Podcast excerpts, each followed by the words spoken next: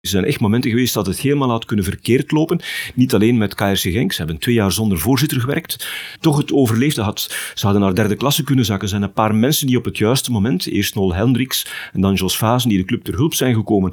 Als die er niet geweest waren, weet ik niet of we hier vandaag uh, gezeten hadden. De oorspronkelijke kleuren van Genk zijn niet blauw en wit, maar is gewoon blauw de, de, de, supporters nog waar de dynamiek en, en de, de, samenhorigheid nog, nog zo groot is. Dus ik zou zeggen, maak daar gebruik van. Maak er geen misbruik van, maar maak er gebruik van. Want hier kan het nog, wat in veel andere clubs al niet meer kan, omdat de beheerders ver weg wonen, niet meer bereikbaar zijn of zelfs gewoon anonieme aandeelhouders zijn.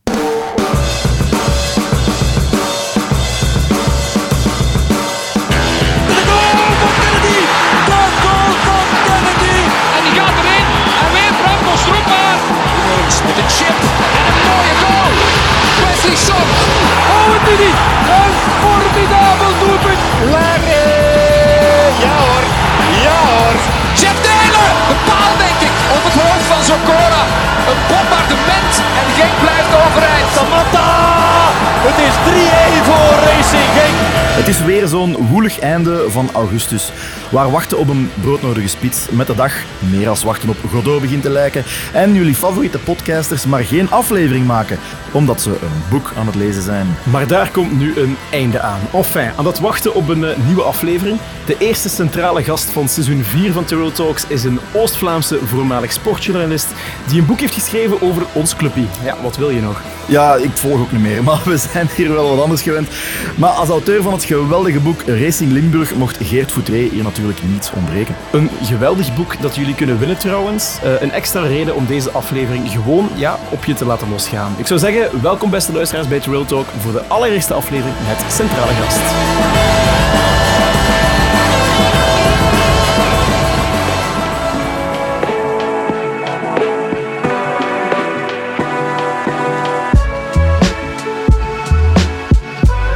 Centrale gast. En met Wim, die ga ik al eerst, eerst uh, ja, ook. verwelkomen. Vuurde op.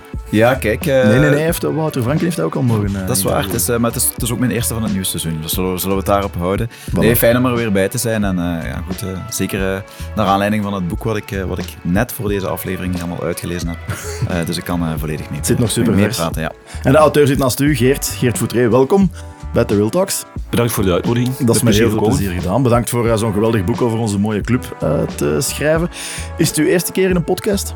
Het is een allereerste keer in de podcast, dus een primeur die je nu mee krijgt. Absoluut. Okay. Ja. de, de, de interviewer wordt de interviewee, ja. als het ware. Bevreemdend gevoel lijkt me wel. Het is een heel raar gevoel. En op zo'n moment besef je pas wat je al die jaren andere mensen aangedaan hebt. maar het schuldbesef is er nog niet, dat komt misschien straks. Hoewel ik me niet kan inbeelden dat je mensen in een zweterig hoksel zit hebt uh, gestoken, zonder uh, natuurlijke lichtinval. Uh, maar dat went wel na een half uurtje ongeveer. Oké, okay, dat is goed. Ik, ik zet mijn klok goed, ja. goed. We gaan nog eens even hebben over de wedstrijd van uh, gisteren tegen Adana Demirspor. Ik heb eraan uh, kunnen wennen, uh, allee, aan, aan, kunnen werken. Aan ja, de, aan Gek hebben zoal Demir, dus ja, dat eerste dat bekte wel. En ik woon heel dicht bij de Staalstraat, dus mijn Turks is eigenlijk redelijk vloeiend. Ik ga ook heel vaak Adana Kebab heten. Dat is zo echt op, op, op, een, op een ijzeren stok dat ze dan... Enfin, je moet maar eens een keer gaan ja, eten in right. de Staalstraat. Wat vonden jullie van de wedstrijd, heren, alle drie? Ja, ik, vooral uh, blij met het resultaat. Hè. Het, was, het was echt wel ons brood nodig. De ontlading in het stadion was ook, was ook vrij groot. Ik vond het ook absoluut een verdiende overwinning. Um, over de wedstrijd zelf valt, valt wel nog heel wat te zeggen natuurlijk. Um, maar misschien al beginnen met, met, met, met hetgene wat goed was. En dat was, uh, dat was het resultaat. Wat, ja, ik denk dat het heel erg belangrijk is dat we tegen toch wel een, een, een goede club. Veel mensen vonden de club vonden, vonden ze matig. Ik vond ze wel goed voetballen. Dus ik verwacht dat we daar in Turkije wel uh, wel die voorsprong nodig gaan hebben. Uh, dus nee, uh, ik ben vooral blij met het resultaat. Ja, ik was eigenlijk gewoon absoluut niet te spreken tot minuut 70 over het, over het voetbal, over het Grinta. Dus dat, het was eigenlijk loszand en het deed mij terugdenken aan, ja, aan die enkele magere jaren van, van John van den Brom. Redelijk leeg stadion, zeer zwak voetbal, zat geen leidraad in. En dan toch, ineens, een kwartier voor tijd, valt alles in zijn plooi en was er een soort van herwonnen enthousiasme. Ging het terug snel van, eh, van voet tot voet. En dan zie je wel dat we in staat zijn om die club, uh, Demirspor, toch wel eenvoudig opzij te zetten. Maar ik hou mijn hart nog steeds vast voor de terugwedstrijd. In Turkije altijd uh, heel andere omstandigheden. Dat vond ik in Olympiakos nog wel, wel meevallen. Maar ja, goed, in Turkije is altijd wel heel moeilijk voetballen. En ja, we zijn er nog niet. Dus uh, 2-1 is wel een stap in de goede richting, maar ik vind een, een doelpuntverschil dat, uh, dat hadden er voor mij twee mogen zijn. Eerste, eerste Europese thuisoverwinning sinds uh, Sarpsborg in november 2018. Ja. Dus dat is, dat is toch wel even om... of zoiets? Uh, nee, 2018. Ja, ja, maar ik bedoel... Dus van... 2 op 22. Ah, 2 op 22. Sorry, 2 op 21. Ja, ja, ja. Ongezien dus, eigenlijk, hè? Ja, en eigenlijk ongelooflijk. Nu, als je, als je het rijtje van tegenstanders afgaat, dan zitten wedstrijden, zeker die tegen Servet en Olympiakos, die hadden we zeker moeten winnen. Zitten er tussen nog wel zo'n uh, zo'n paar dat we zeiden van, dat hadden we echt wel beter kunnen doen. Maar er zaten ook wel heel veel stevige ploegen tussen, waar dat het verlies eigenlijk niet zo, zo onlogisch was. Als je het lijstje ziet, want de uh, uh, Champions League zit er ook bij, het zijn ook weer zes wedstrijden, is het allemaal zo gek niet. Um, en we kwamen daarvoor van een heel goede reeks.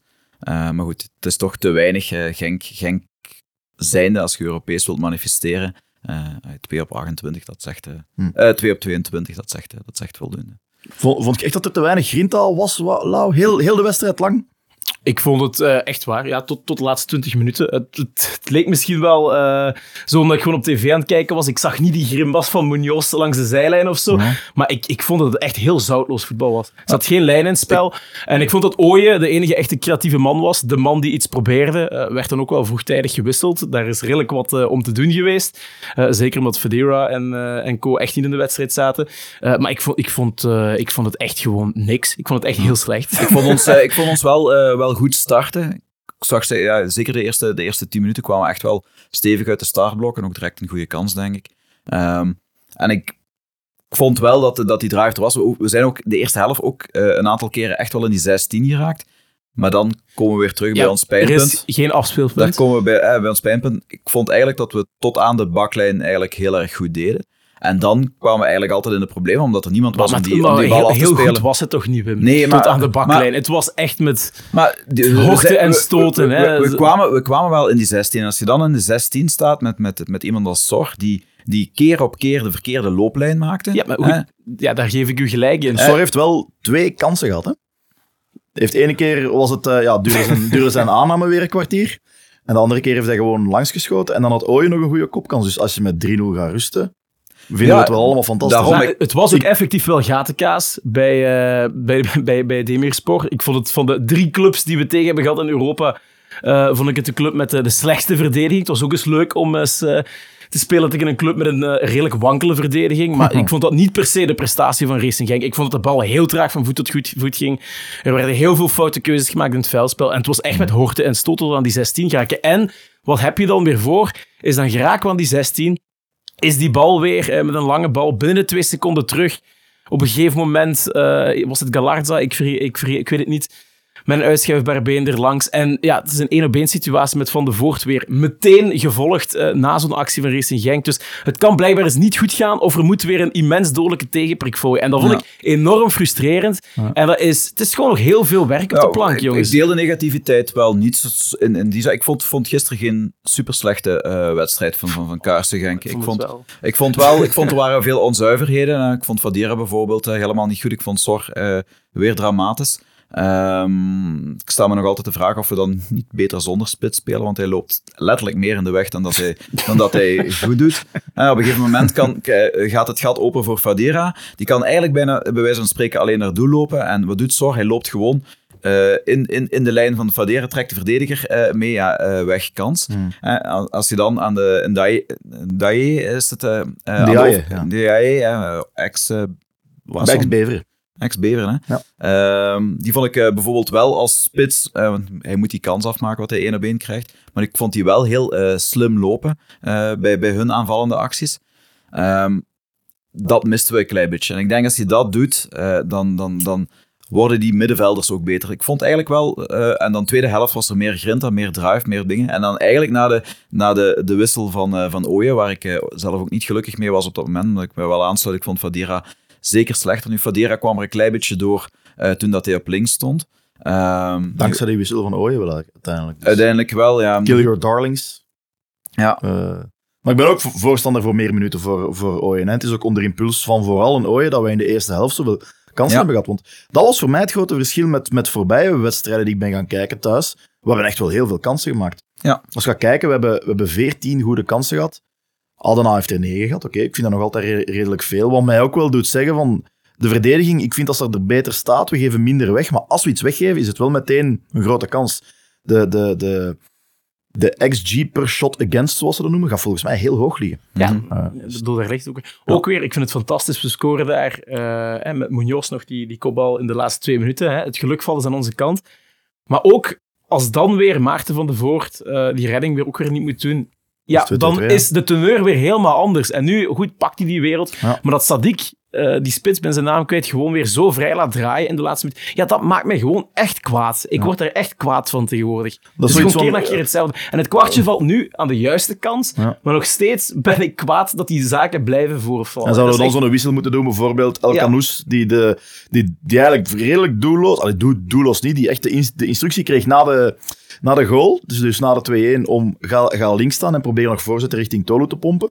Ik iets van, ja, waarom deed Fadera dat niet meer? Haal Bilal eraf en zet dan een, een Aziz, die eigenlijk kan inzakken tussen de twee centrale verdedigers. En dan, dan is de match op slot. Hè. Mhm. Maar dat werd niet gebeurd. Of hadden we al onze, al onze wissels gedaan? Ik denk het niet. denk, ik nog denk eentje nog hadden, hè. eentje hadden, ja. Zo, de match echt op slot doen. Dat, dat, dus je weet van, we komen voor en je kijkt op je uur, 93e minuut, en, en met al dat tijdrekken, ik weet niet hoe lang dat er is overgespeeld geweest, dan weet je nog, ja, het wordt nog 10 minuten bij weer een punt. Dat moet er inderdaad wel uit. Mhm. Maar langs de andere kant, en, en, en ook vind ik, eh, wat, wat ik, waar, waar ik een beetje op twee gedachten ging, is eigenlijk de, de aanpak, wat ze nu doen hè, met, de, met, de, met de situatie Tolu-Sor. Ik vind het echt een penny for the, for the thoughts van, van eh, Franken en de staf. Met het idee, hè, het plan Oli- Olympiakos. Ja, we gaan Sor eerst als, pardon my French, kanonnenvlees gebruiken.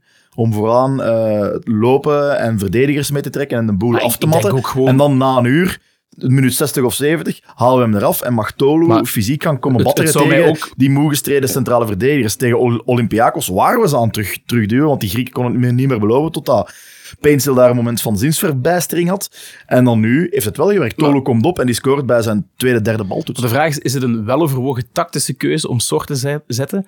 Of is het omdat Tolu nog altijd niet volledig wedstrijdfit is, geen 90 minuten aan kan? Of door de arbeidsintensiteit op training, dat hij geprikkeld moet worden om op de bank gezet te worden? Ik denk Ja. eerder dat het een van die twee zaken gaat zijn, eerder dan dat het heel de keuze is voor Sor, omdat denk- hij meer past in het wedstrijdplan. Ik Sorry, denk, dat ik denk echt niet. dat het de roeien met de riemen is dat we, dat we hebben nu. Eh, we, hebben, we hebben onder andere gezien tegen Charleroi dat Pencil in de punt wel kan renderen. Ja. Ja, die, was dan, die kon dan niet meedoen. Ja, dan heb je natuurlijk Sor en Tolu, dat zijn de enige. To- Tolu kan geen 90 minuten, goed, spelen, dat is al één punt ervan. fijn, ja. Dus dan heb je daar nog altijd die Sor zitten. En wat, ja, die...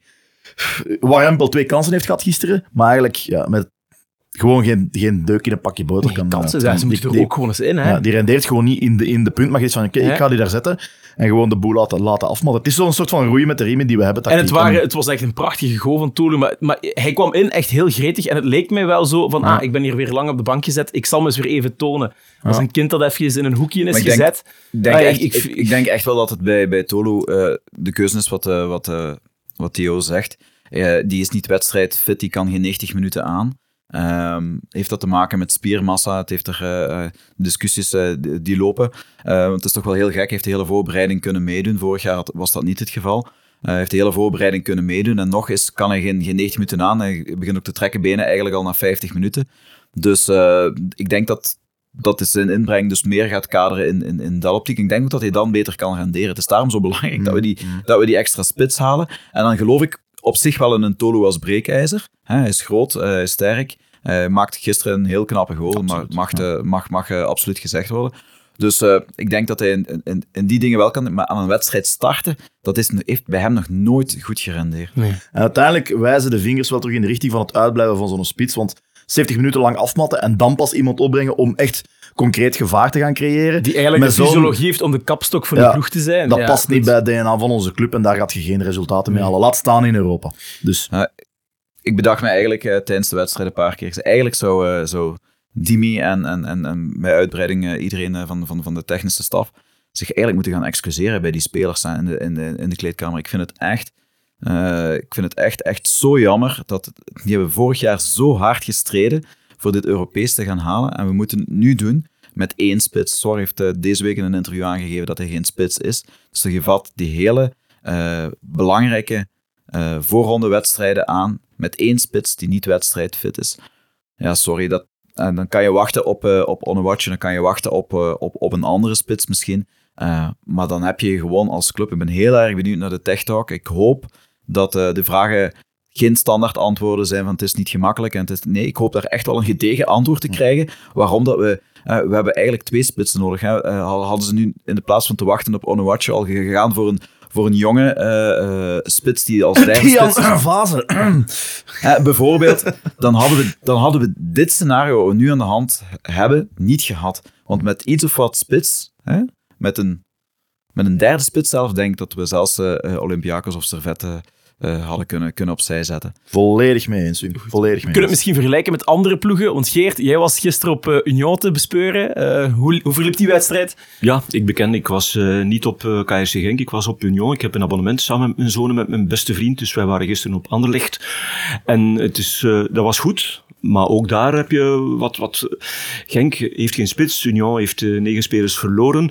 Bij Gent uh, vrees dat hun twee spitsen vertrekken. Ik vrees een beetje dat het het lot is van, van de Belgische clubs, dat je in een voorbereiding moet wachten tot het eind van de Mercato, om, uh, om te zien over welk effectief je beschikt en dat je daar geen eigen inspraak meer bij hebt. Union was goed en wat ik vorig jaar ook met Union beleefd heb, is hoe heilzaam zo'n goede Europese campagne voor, het, uh, voor een club kan zijn. En, en ook daarom ben ik blij dat Genk op zijn minst de wedstrijd uh, rechtgezet heeft op het einde, om de hoop te hebben, want het zou echt wel jammer zijn aan wat Genk vorig jaar heeft getoond, dat ze niet Europees zouden spelen, omdat een goede...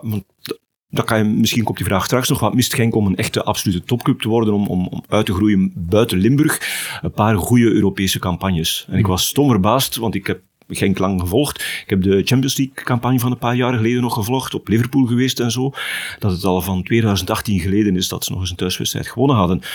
Uh, dat zijn de wedstrijden die, die, die supporters samenbrengen, waar mensen achteraf over spreken en die een samenhorigheidsgevoel creëren en die een club boven zich laten uitstijgen.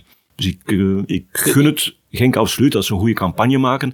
En dat ze een paar goede Europese campagnes maken, zoals heel lang geleden Anderlecht, uh, Standaard en Club Brugge, die gemaakt hebben, een paar jaar na elkaar.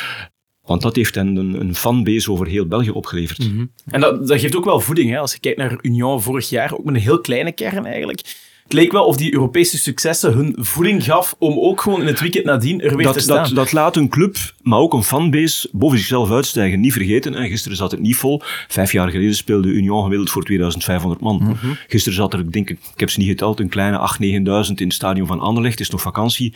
Uh, terwijl de helft, de hele ploeg verkocht is, bij wijze van spreken. Dat is wel knap. En iedereen die dat stadion zat, die zong. Ik ben een beetje hees. Als je naar Union gaat kijken, hè, dus niet alleen de mensen achter de goal. Iedereen zingt daar mee, iedereen doet daar mee. En dat heeft ook te maken met wat op het veld gezien is, niet alleen in de competitie, maar ook Europees. Dat heeft een band gecreëerd. Dat heeft zoiets ge gevoel gegeven van, wauw, we beleven hier iets samen dat ook anders kunnen uitdraaien. De keeper heeft een paar keer, je moet geluk hebben als Belgische club, de keeper heeft een paar keer de ploeg overeind gehouden, maar het, het belang van zo'n Europese goede campagne, zeker tot de winterstop meedraaien, voor een Belgische club kan, kan niet ontkend worden. En ik, ik hoop echt, ik, hebben gelijk waar het probleem van Genk zit, iedereen weet dat. Ik hoop dat dat opgelost wordt, want het, het ontbreken van die spits of het te laat aankomen van die spits, op het moment dat de Europese prijzen verdeeld zijn en dat je er niet bij bent, dat laat sporen na. Mm -hmm. dat, dat zou echt wel heel jammer zijn. Uh, en dat zo heel veel van het goede dat vorig jaar gebeurd is, uh, helemaal wegvegen. En dat, dat verdient KRC mm -hmm. Toch Want niet. als je ons nu bezig wordt, vind je ons dan zo te negatief misschien? Of uh, als buitenstaander, ik vind dat altijd heel interessant te horen. Want de, de, de nuchtere kijk van, van de journalist, die toch niet echt emotioneel betrokken is het bij betekent, de club. Het betekent wel dat jullie veel gewend zijn als jullie kritisch zijn. Want dat, dat je zegt van ja, het doet ons denken aan de minderjaren van. En, en dat was toch ietsje minder. Dus dat betekent dat je ook goede tijden beleefd hebt. Want dat, blijkt, dat wordt dan je referentiepunt.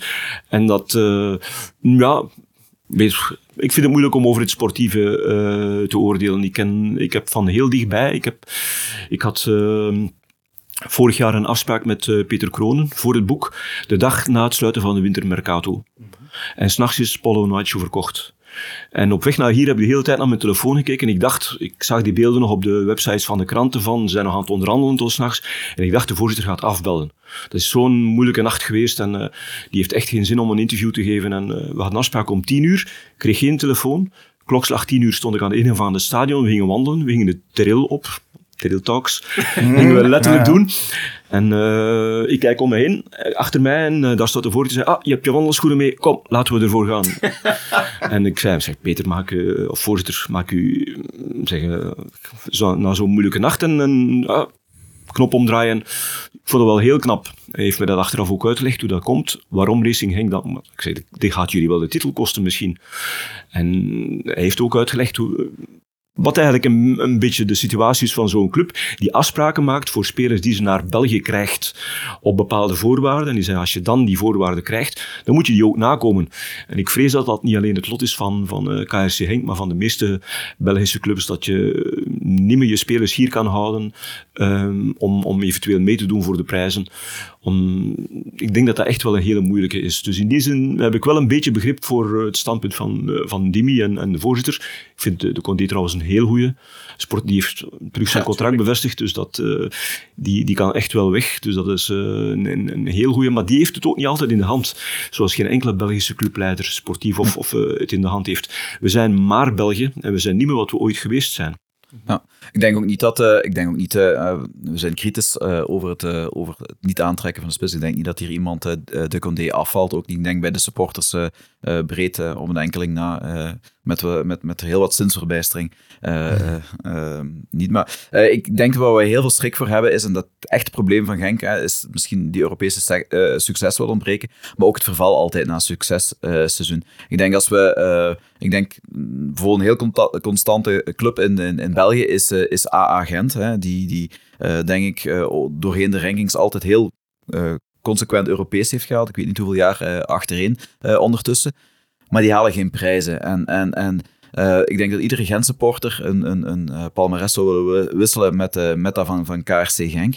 Maar het enige waarom dat Genk nog altijd geen echte topclub is in België is volgens mij omdat die jaren van verval er altijd komen. En ik denk dat mm -hmm. die angst nu uh, ook bij de Genk-supporters heel erg groot is van uh, verdorie, het gaat toch weer niet zo'n ja. jaar zijn. Uh, ik weet dat ik vorig jaar de vraag aan Wouter Franke gesteld ja. heb tijdens de, heb je, heb je niet schrik voor volgend jaar? Want dat is voor Genk altijd traditioneel een heel moeilijk jaar.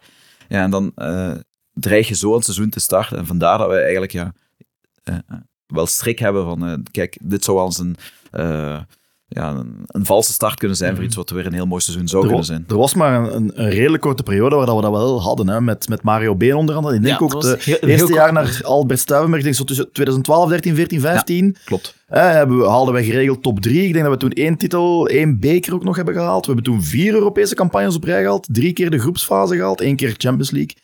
Denk ik, ik zal er niet ver van afzitten. En toen dacht iedereen van, oké, okay, we zijn vertrokken. En dan valt, valt dat uiteindelijk toch weer terug. Um, ik denk de reden waarom dat, dat, uh, waarom dat daar kwam, was gewoon continuïteit. Oké, ik denk dat Mario Been een ambtstermijn heeft gehad van drie seizoenen. Ja. Nu is het uiteindelijk ook met pek en veren verjaagd. Hè, omdat het, uh, Zoals met de meeste vergankelijke Hollandse trainers. Voilà, omdat uiteindelijk hervallen die in dat brein. Ja, dat, dat, dat van de Hollandse school. Ja, voilà. voilà. Dus, dus, maar inderdaad, gelijk, gelijk Wim zegt, we hebben gewoon heel veel... We hebben het te vaak meegemaakt dat die mm -hmm. terugvaller komt.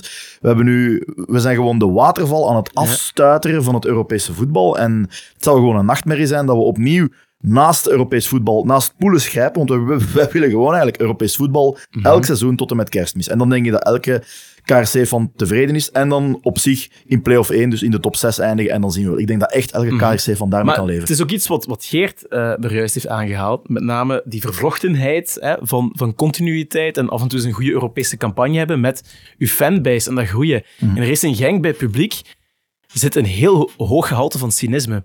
Uh, om, omdat we keer op keer uh, daarmee geconfronteerd worden met oké, en nu komt er weer een uh, negatieve cadans aan, net na je bijvoorbeeld een titel hebt gepakt. Dus, dus er, er zit zo'n soort van besef binnen het publiek van kijk, eigenlijk zijn wij een topclub, maar we zijn het niet altijd, omdat we een enorm verval kennen. Dus, dus in de hoofden van de mensen is het gewoon zo dat een soort van teleurstelling. Terwijl je bij Union, daar zit je nog met dat opgaande idee van we komen uit tweede klasse en alles is geweldig en alles glinstert en blinkt. En die hebben die plateaufase nog niet bereikt. Dus die zijn uh, nu een stabiele topclub aan het worden. Terwijl Racing Genk, dat was eind jaren 90, schoot dat uit de grond. Het was, uh, Limburg was te klein. En sindsdien zijn we wat beginnen jojoen en is er een soort van cynisme in onze fanbasis geslopen. En dat vertaalt zich vaak ook bij ja, weinig fans die komen opdagen voor bepaalde wedstrijden. Mm. Terwijl dat misschien bij andere clubs standvastiger is, maar dat is gewoon dat ja, mensen worden hier echt oprecht nors als het weer eens van bad is. Zo kent je het? Maar zijn Omdat, we, omdat jullie ook verwend geweest zijn in Omdat we ook Ja, verwend zijn geweest. ja. en daar daar hebben zijn we een beetje kanten veel eisend Ja, geworden. we zijn gewoon heel daaruit veel is eisend. Ja. We hebben eigenlijk zo wat het Anderlecht publiek vroeger had, hebben wij, Maar maar, is dat- dan Is dat buiten, eh, buiten, zo, buiten, buiten Club Brugge misschien, Ja. eh, van de laatste jaren en Anderlecht vroeger, Ja. is dat gewoon niet het leven van een voetbalsupporter. Ik zeg altijd 90% deceptie en 10% euforie en daartussenin bestaat niks. Ja, maar het gaat over, over... Je merkt het toch aan alles. Aan een soort van continuïteit op de tribunes ook. Aan heel veel zaken. Ja. ook hoe er wel- gecommuniceerd denk- wordt op social media, hoe er gereageerd wordt op de club. Er hangt zo'n soort van... Bij, bij, bij Union na een laatste match, als ze verliezen, daar, daar zingen ze nog altijd voor Maar het, Union. is ook, maar het is ook nieuw, hè. Dus Het is ook dat- nieuw, ja, dus dat is ook nieuw. ja. En, bij de denk- traditieclubs heb je het... Ik denk wel, ik denk wel dat het eh, gestaag wel beter gaat eh, met, met Genk. Ik denk ook, hè, ehm, we hebben dat eh, seizoen, twee seizoenen terug, hebben we eigenlijk pech gehad, want daar had het, eh, het bestuur wel doorgepakt, de kern samengehouden, iedereen dacht. En tot eh, die wedstrijd op Eupen deden we, stonden we ook nog op de eerste plaats. Ik denk, als we, als we, daar die, die tegenslagen zo kort op één niet hadden gehad, dat we daar ook een goed seizoen hadden gedraaid, hadden ook wat meer continuïteit gehad. Dus ik denk, ik denk dat we met, met de basis die we nu hebben, het bestuur die we nu hebben, ik, de Condé eh, die er is, eh, Erik Kerrs is de juiste man op moment. Sam Fransen eh, lijkt me ook, eh, lijkt me ook een, een, een echte aanwinst te zijn, zonder de- zijn voorganger eh, tekort te willen doen. Maar ik denk wel dat, dat basis eh, in Genk op dit moment meer aanwezig is. Financieel staat het ook goed. eh, om, om die continuïteit wel te brengen. En daarom dat ik echt niet begrijp eh, dat, dat er, dat er zo'n risico genomen eh, nu is. eh, door door ja, die kern eigenlijk niet sterk genoeg te maken om, om te kunnen laten starten aan dit avontuur. De stoel van de supporters heeft vier poten, die heel duidelijk zijn. Hè? Bij Kaarschenk, wat willen wij? wij? Wij willen eigen jeugd. Wij willen werkersvoetbal zien. En wat bedoel ik met werkersvoetbal? Liever het soort van Jurgen Klopp voetbal dan het soort van Arsène Wenger voetbal. Wij willen de top van België, zullen we zeggen, tegen de schenen schoppen. Hè? Wat wil zeggen top 4, top 3, af en toe is een titel of een beker. En als het kan, dat is de laatste poot, gekoppeld aan ook mooi voetbal. We willen ook wel geëntertained worden. Hè? Mensen die naar, die naar het stadion komen, willen ook wel bepaalde entertainmentwaarden hebben. En ik denk dat het altijd is, om een seizoen te, te, te evalueren van KRC, zijn dan die vier pijlers voldaan geweest. En dan kunnen zeggen, ja, misschien aan drie van de vier of aan vier van de vier. Jeugd is de laatste jaren, ons ambiëren op 50% eh, van de, van de A-kern en jeugdspelers te hebben. We hebben nu onze doelman, we hebben Heine, we hebben Bilal. Ehm dat is het zo wat goed is. En drie spelers. En Ooyen. En Ooyen die er nu toch wel terug doorkomt. Dat zijn er vier van de, van de elf. Niet exact, maar kunnen we tevreden om zijn. En ik denk dat dat de beste manier is om te, om te, om te kijken van oké, zijn we daarin vooruitgang aan het maken of niet? Ja. Zo, zo simpel is het. Kijk jij dat ook zo, Geert? Ehm, ja, ik weet dat dat een moeilijk is om, om dat percentage. Ik weet dat het een heel gevoelig punt is ook in, eh in Genk, het percentage jeugdspelers. Ze zitten altijd een derde in de kern. Ze willen dat eh, verhogen. Eh, er is aan de jeugdwerking ook eh, enorm gewerkt. Eh Koen Daarde vertelde mij toen hij in 2014 begon, waren er, was hij de derde voltijdse werknemer. Begon pas of na vijf uur s'avonds uh, te werken. En uh, nu zijn er, uh, ja, hoeveel, 25 of 26. Dus alles wordt geprofessionaliseerd. Dat heeft zijn tijd nodig. Maar de lat gaat nu natuurlijk ook hoger voor de jongens die daaruit komen. Hè. Dus in die zin denk ik dat, dat je een jaar of twee moet kijken wat, wat uh, Jong Henk teweeg brengt. Op zich moeten spelers die bij Jong Henk uitblinken, moeten niet makkelijk kunnen doorstromen naar, uh, naar de kern. Lukt dat niet, dan is er in de academie niet goed uh, gewerkt. Maar ik merk toch nog altijd dat het een grote aantrekkingskracht is. Een, een stukje dat het, het boek niet gehaald heeft. Ik kwam op een dag, ik heb een paar dagen rondgelopen op de jeugdacademie. Op een ochtend, dat was wedstrijd tegen Eupen. Zie ik daar een, langs de lijn iemand, ik dacht dat is een bekend gezicht, maar dat was de vroegere, ik ben uit Nienhoven, hè, dus de burgemeester van Nienhoven. Ik zei, maar dat kan toch niet dat hij op Genk hier, uh, dat zal iemand anders zijn die erop lijkt.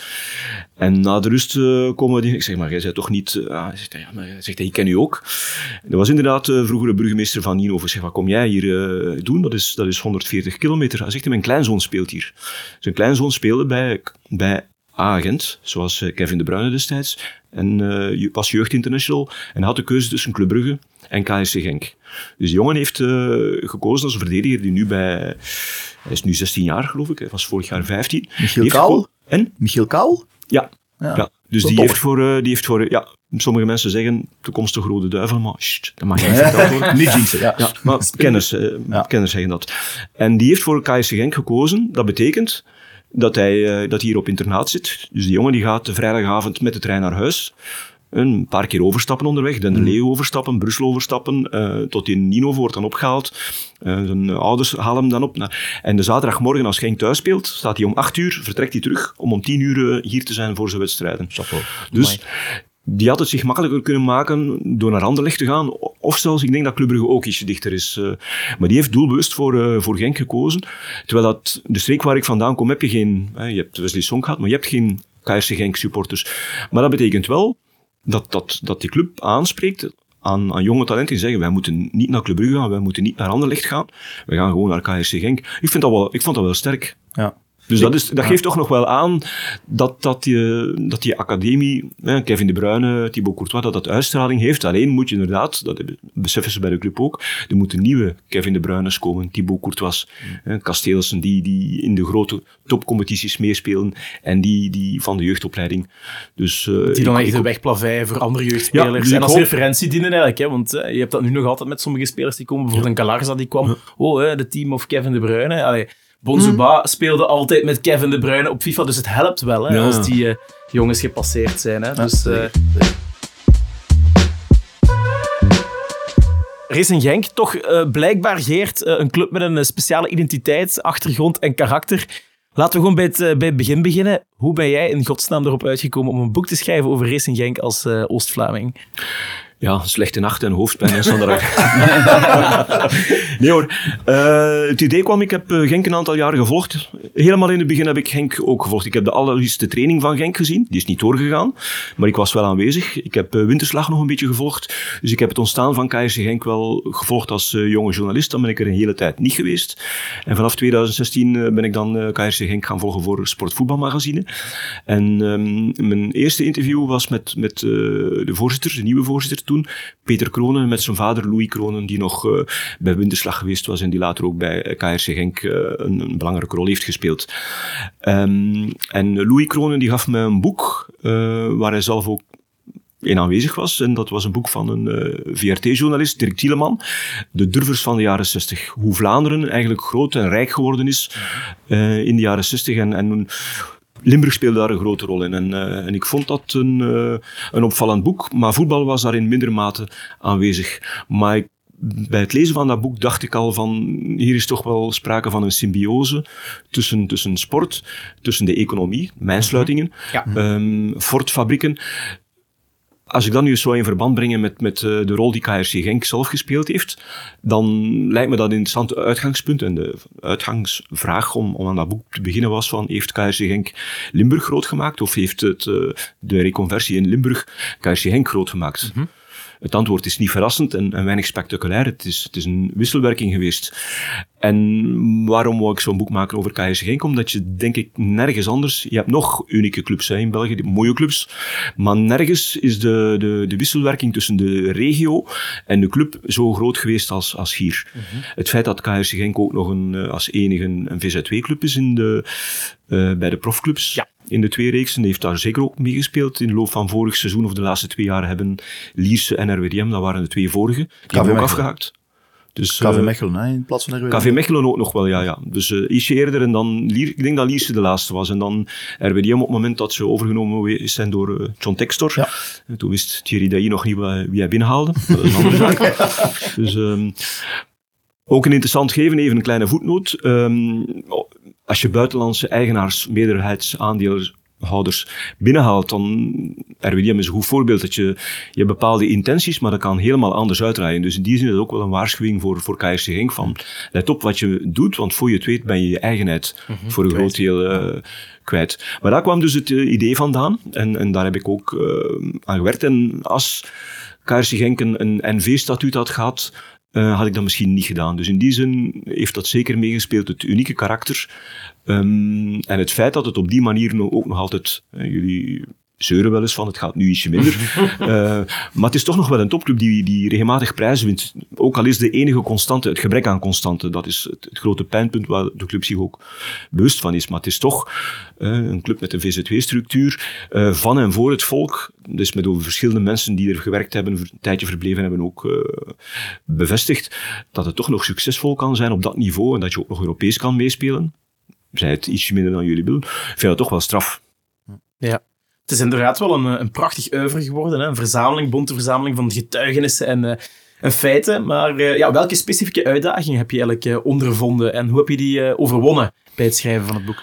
Um, er waren eigenlijk de grootste uitdaging, en daarom heb ik ook zoveel mensen opgezocht, was dat ik, ik wou niet dat men achteraf het boek las en dat men zei van ja, ja, een Oost-Vlaming die nu 20 jaar in Brussel woont en die een keer een boek over uh, Limburgse club schreef. Dus ik heb uh, uh, heel nauwgezet zoveel mogelijk mensen proberen opzoeken die, die konden meepraten over de verschillende aspecten, zowel sportief als over de provincie Limburg, de, de stad Genk, de regio Genk zelf om me in te dekken, zou je kunnen zeggen, maar ook om goed geïnformeerd te zijn. En ik dacht dat de uitdaging groter zou worden. Wat mij aangenaam verrast heeft, is um, hoe snel de deuren zijn opengegaan eigenlijk. Ik ben geïntroduceerd geworden door een paar mensen. Ik kende wel wat mensen ook. En bij elke deur die open ging, voor ik wegging, gingen er twee of drie nieuwe deuren open. Dat hebben wij dus ook als podcasters. Hè? Dat hebben we heel vaak... Uh, ja zeg, heb je ook al met een dier gebabbeld? Ah nee, nog niet. Ja, hier is dus een nummer. ja. ja. Schatvlog. Ja, dus dat heeft mij voor de grootste uitdaging gesteld. Want um, eerst was ik van plan om uh, een boek in helft hoofdstukken te maken. Dat ging 250 pagina's dik zijn. Maar omdat er altijd maar nieuwe mensen bij kwamen, bleef het maar verder werken. De uitgever die werd gek. Die zei: Geert, stop met mensen interviewen, schrijf. We ronden af. Genk doet het fantastisch. Straks zakken ze in. En het boek moet nu gepubliceerd worden. Want dat was ook de kleine anekdote. Dus Genk, de grootste constant is het gebrek aan constante. Toen ik uh, de afspraken maakte met de club en met de uitgeverij. Want de uitgeverij die dacht eerst, ja, een boek over Racing Genk en over Limburg. Net achtste geëindigd in, in, in de mhm. competitie. Wie zit daar nu op te wachten? Op dat moment niemand waarschijnlijk. Um, dus Klaas, waar, waarvan men mij kan beschuldigen, is dat ik een successchrijver ben geweest. Ja. Want er was echt niks aan de hand. bij de besprekingen over het contract stond geen deadline in. Nog bij de club, nog bij de uitgever. Mm. En ik kreeg de... Toen zei ik, ja, we gaan er ook eens op papier zetten, een klein contractje. En ik was op weg met mijn familie naar Amerika voor een gezinsreis. En ik kreeg een mail. En daar stond plots wel een, ehm, een deadline in. Want Genk was als een trein aan de competitie begonnen. En toen heeft men ook gezegd van oké, okay, nu, nu moeten we echt wel verschijnen voor, ja. uh, of tijdens de play-offs, we moeten het moment meenemen, want zo'n moment uh, maak je niet dikwijls mee. Dus mijn grootste uitdaging was dat boek op tijd afkrijgen en het beperken. Uh, het was langer dan voorzien. De uitgever heeft zelf nog een aantal passages geschrapt, omdat hij zei, dit is echt wel veel te lang, want je bent, je bent zo ver doorgegaan, want het, is, het was goed, maar we kunnen echt niet meer dan 300, wat is 320 pagina's doen. Dus op tijd het werk afkrijgen en zeggen. Maar de uitdaging zelf, om, om mensen aan het praten te krijgen, dat was... Maar ik was aangenaam verrast door de openheid, de bereidwilligheid. Mensen die me thuis uitnodigden, die zeiden van... Uh, ik had ook verwacht dat mensen gingen zeggen op sommige vragen no comment. Uh, we praten we niet meer over maar ook over dingen van heel lang geleden. Misschien dat het goed was dat er wat tijd is overgegaan over sommige hoofdstukken. Ook uh, dat mensen zeiden, 20, 30 jaar later kunnen we daar wel uh, op terugblikken en op een, op een bepaalde manier over praten. Dus de uitdaging was kleiner dan, dan ik vooraf dacht.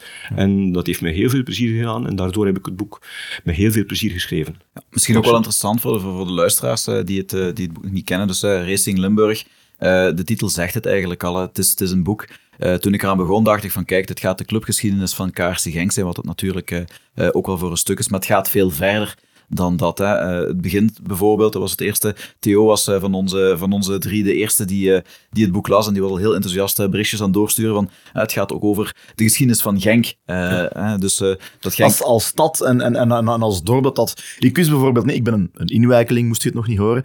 Um, dat dat een, een, een, een dorp was geweest waar Brusselse kunstenaars en, Wa en Waalse kunstenaars naartoe vluchten, tussen aanhalingstekens, om om schilderij van de, van de heide te maken. En, mooie schilderijen. Ik wist het ook niet. Eh, voor mij was dat het Sint Maartensla ik, ik heb twintig jaar in Gent gewoond. Eh, ik wist niet dat, dat Genk het Sint Maartenslaten van Oost-België was. en, en mooie werken ook. Ik heb die, eh, dus dat vond, ik vond dat het erbij moest. Ik ben historicus van opleiding en ik heb altijd geprobeerd, ook als uh, journalist, om, om alles met elkaar in verband te brengen. Niet alleen een sportief verhaal. En zeker een club als KSC Genk leent zich daartoe, omdat de, de verwevenheid, de band uh, tussen, tussen de club en de regio hier zo groot is. Ik, ben, uh, ik heb mijn kinderen meegesleurd in dat verhaal.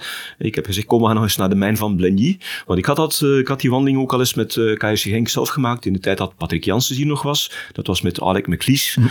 En dat was voor, voor veel spelers die er toen bij waren van... Mm, ik wist nog van Nico van Kerkhoven dat hij dat bij Schalke ook gedaan had. Rudy Assauer, de toenmalige sterke man van Schalke, die, die wilde dat zijn, zijn spelers in de mijnen afdalen om te zien, daar komen onze supporters vandaan als je op dat veld komt, dan moet je weten voor wie je speelt. En in Schalke heb je nog altijd, ook bij het nieuwe stadion, dus als je net voor je op het veld komt, ehm, de, de die eindigt in een soort eh, replica van een, eh, van een, van een steenkoolmijn. Dus de laatste drie, vier meter is, is zwart met, met eh, hoeken aan, zodat de spelers merken van oei, ja, dat is hier wel iets uh, speciaals. Roda, Roda heeft ook dan iets minder geslaagd dan bij Schalke. Hè? Schalke ja. is het prototype echt... Uh, lijkt meer op uh, de, de ingang ja. van de Calamity Mine in Walibi. bij Roda...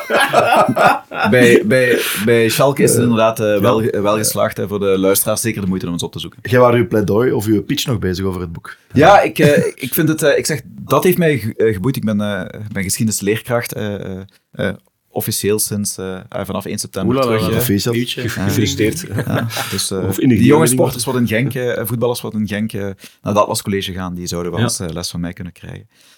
dus dan kunnen we dit boek misschien erbij nemen. Voilà. Nee, het is, want het is heel erg interessant. Wat, wat, me heel erg boeide was de hele verwevenheid van, van, van de steenkoolmijnen. Weet je, de hele geschiedenis van Genk, ik dacht daar heel veel van te weten, maar door het lezen van dit boek weet ik van, oh, er waren toch wel heel veel nuances, heel veel zaken wat ik, wat ik, wat ik gemist had. Uh, de grote rol van Til, uh, Til Gijzeling wist ik wel dat hij... Dat hij uh, ik heb daar is ooit een reportage over geweest, over hoe dat hij dat allemaal heeft aangenomen. Maar dit gaat veel dieper. Mm. Dit gaat veel verder. Dus ook de economische verwevenheid na, na het sluiten van de mijn, na het sluiten van de fort. Dat wordt hier eigenlijk allemaal mee betrokken. En hoe dat de rol van KRC Genk daar eigenlijk altijd mm. mee ingeweven zit. en dat maakt het eigenlijk wel, denk ik, voor zelfs voor mensen die, die, die, uh, die gewoon van Genk zijn en, en niet zo met, met kaarsen Genk het voetbal bezig zijn, maakt het wel een hele interessante. Uh, wat, wat ik eigenlijk vooral interessant vind, en, en, en, is het feit van ja, hoe heb je de balans gevonden tussen het verzamelen van historische feiten enerzijds en dan het brengen van de menselijke verhalen? Ik vind dat toch altijd een, een heel moeilijk gegeven. Hoe is je daarmee omgegaan? Ja, dat, was, uh, dat, dat, is een zoeken naar evenwicht. Hè, want mm -hmm. uh, al die mensen verdienen eigenlijk een apart hoofdstuk. Um, ik heb een aantal al van, van de hoofdrolspelers heb ik een apart hoofdstuk gegeven. En, uh, maar ik heb heel veel meer materiaal. Hè. Zoals ik net al vertelde, ik had een boek van 500 pagina's kunnen maken. niet alleen de dingen die op het einde gesneuveld zijn. omdat die verhalen ook zo doorspekt waren met, met persoonlijke levensverhalen. Maar ook, dan merk je, en dat is ook bij het verhaal van de clubs, er zijn kantelmomenten geweest. Er zijn echt momenten geweest dat het helemaal had kunnen verkeerd lopen. Niet alleen met KRC Genk. Ze hebben twee jaar zonder voorzitter gewerkt. Dat was ik al vergeten uit mijn journalistenbestaande. En, en toch het overleefde. Had, ze hadden naar derde klasse kunnen zakken. Er zijn een paar mensen die op het juiste moment, eerst Nol Hendricks en dan Jos Fazen, die de club ter hulp zijn gekomen. Als die er niet geweest waren, weet ik niet of we hier vandaag uh, gezeten hadden.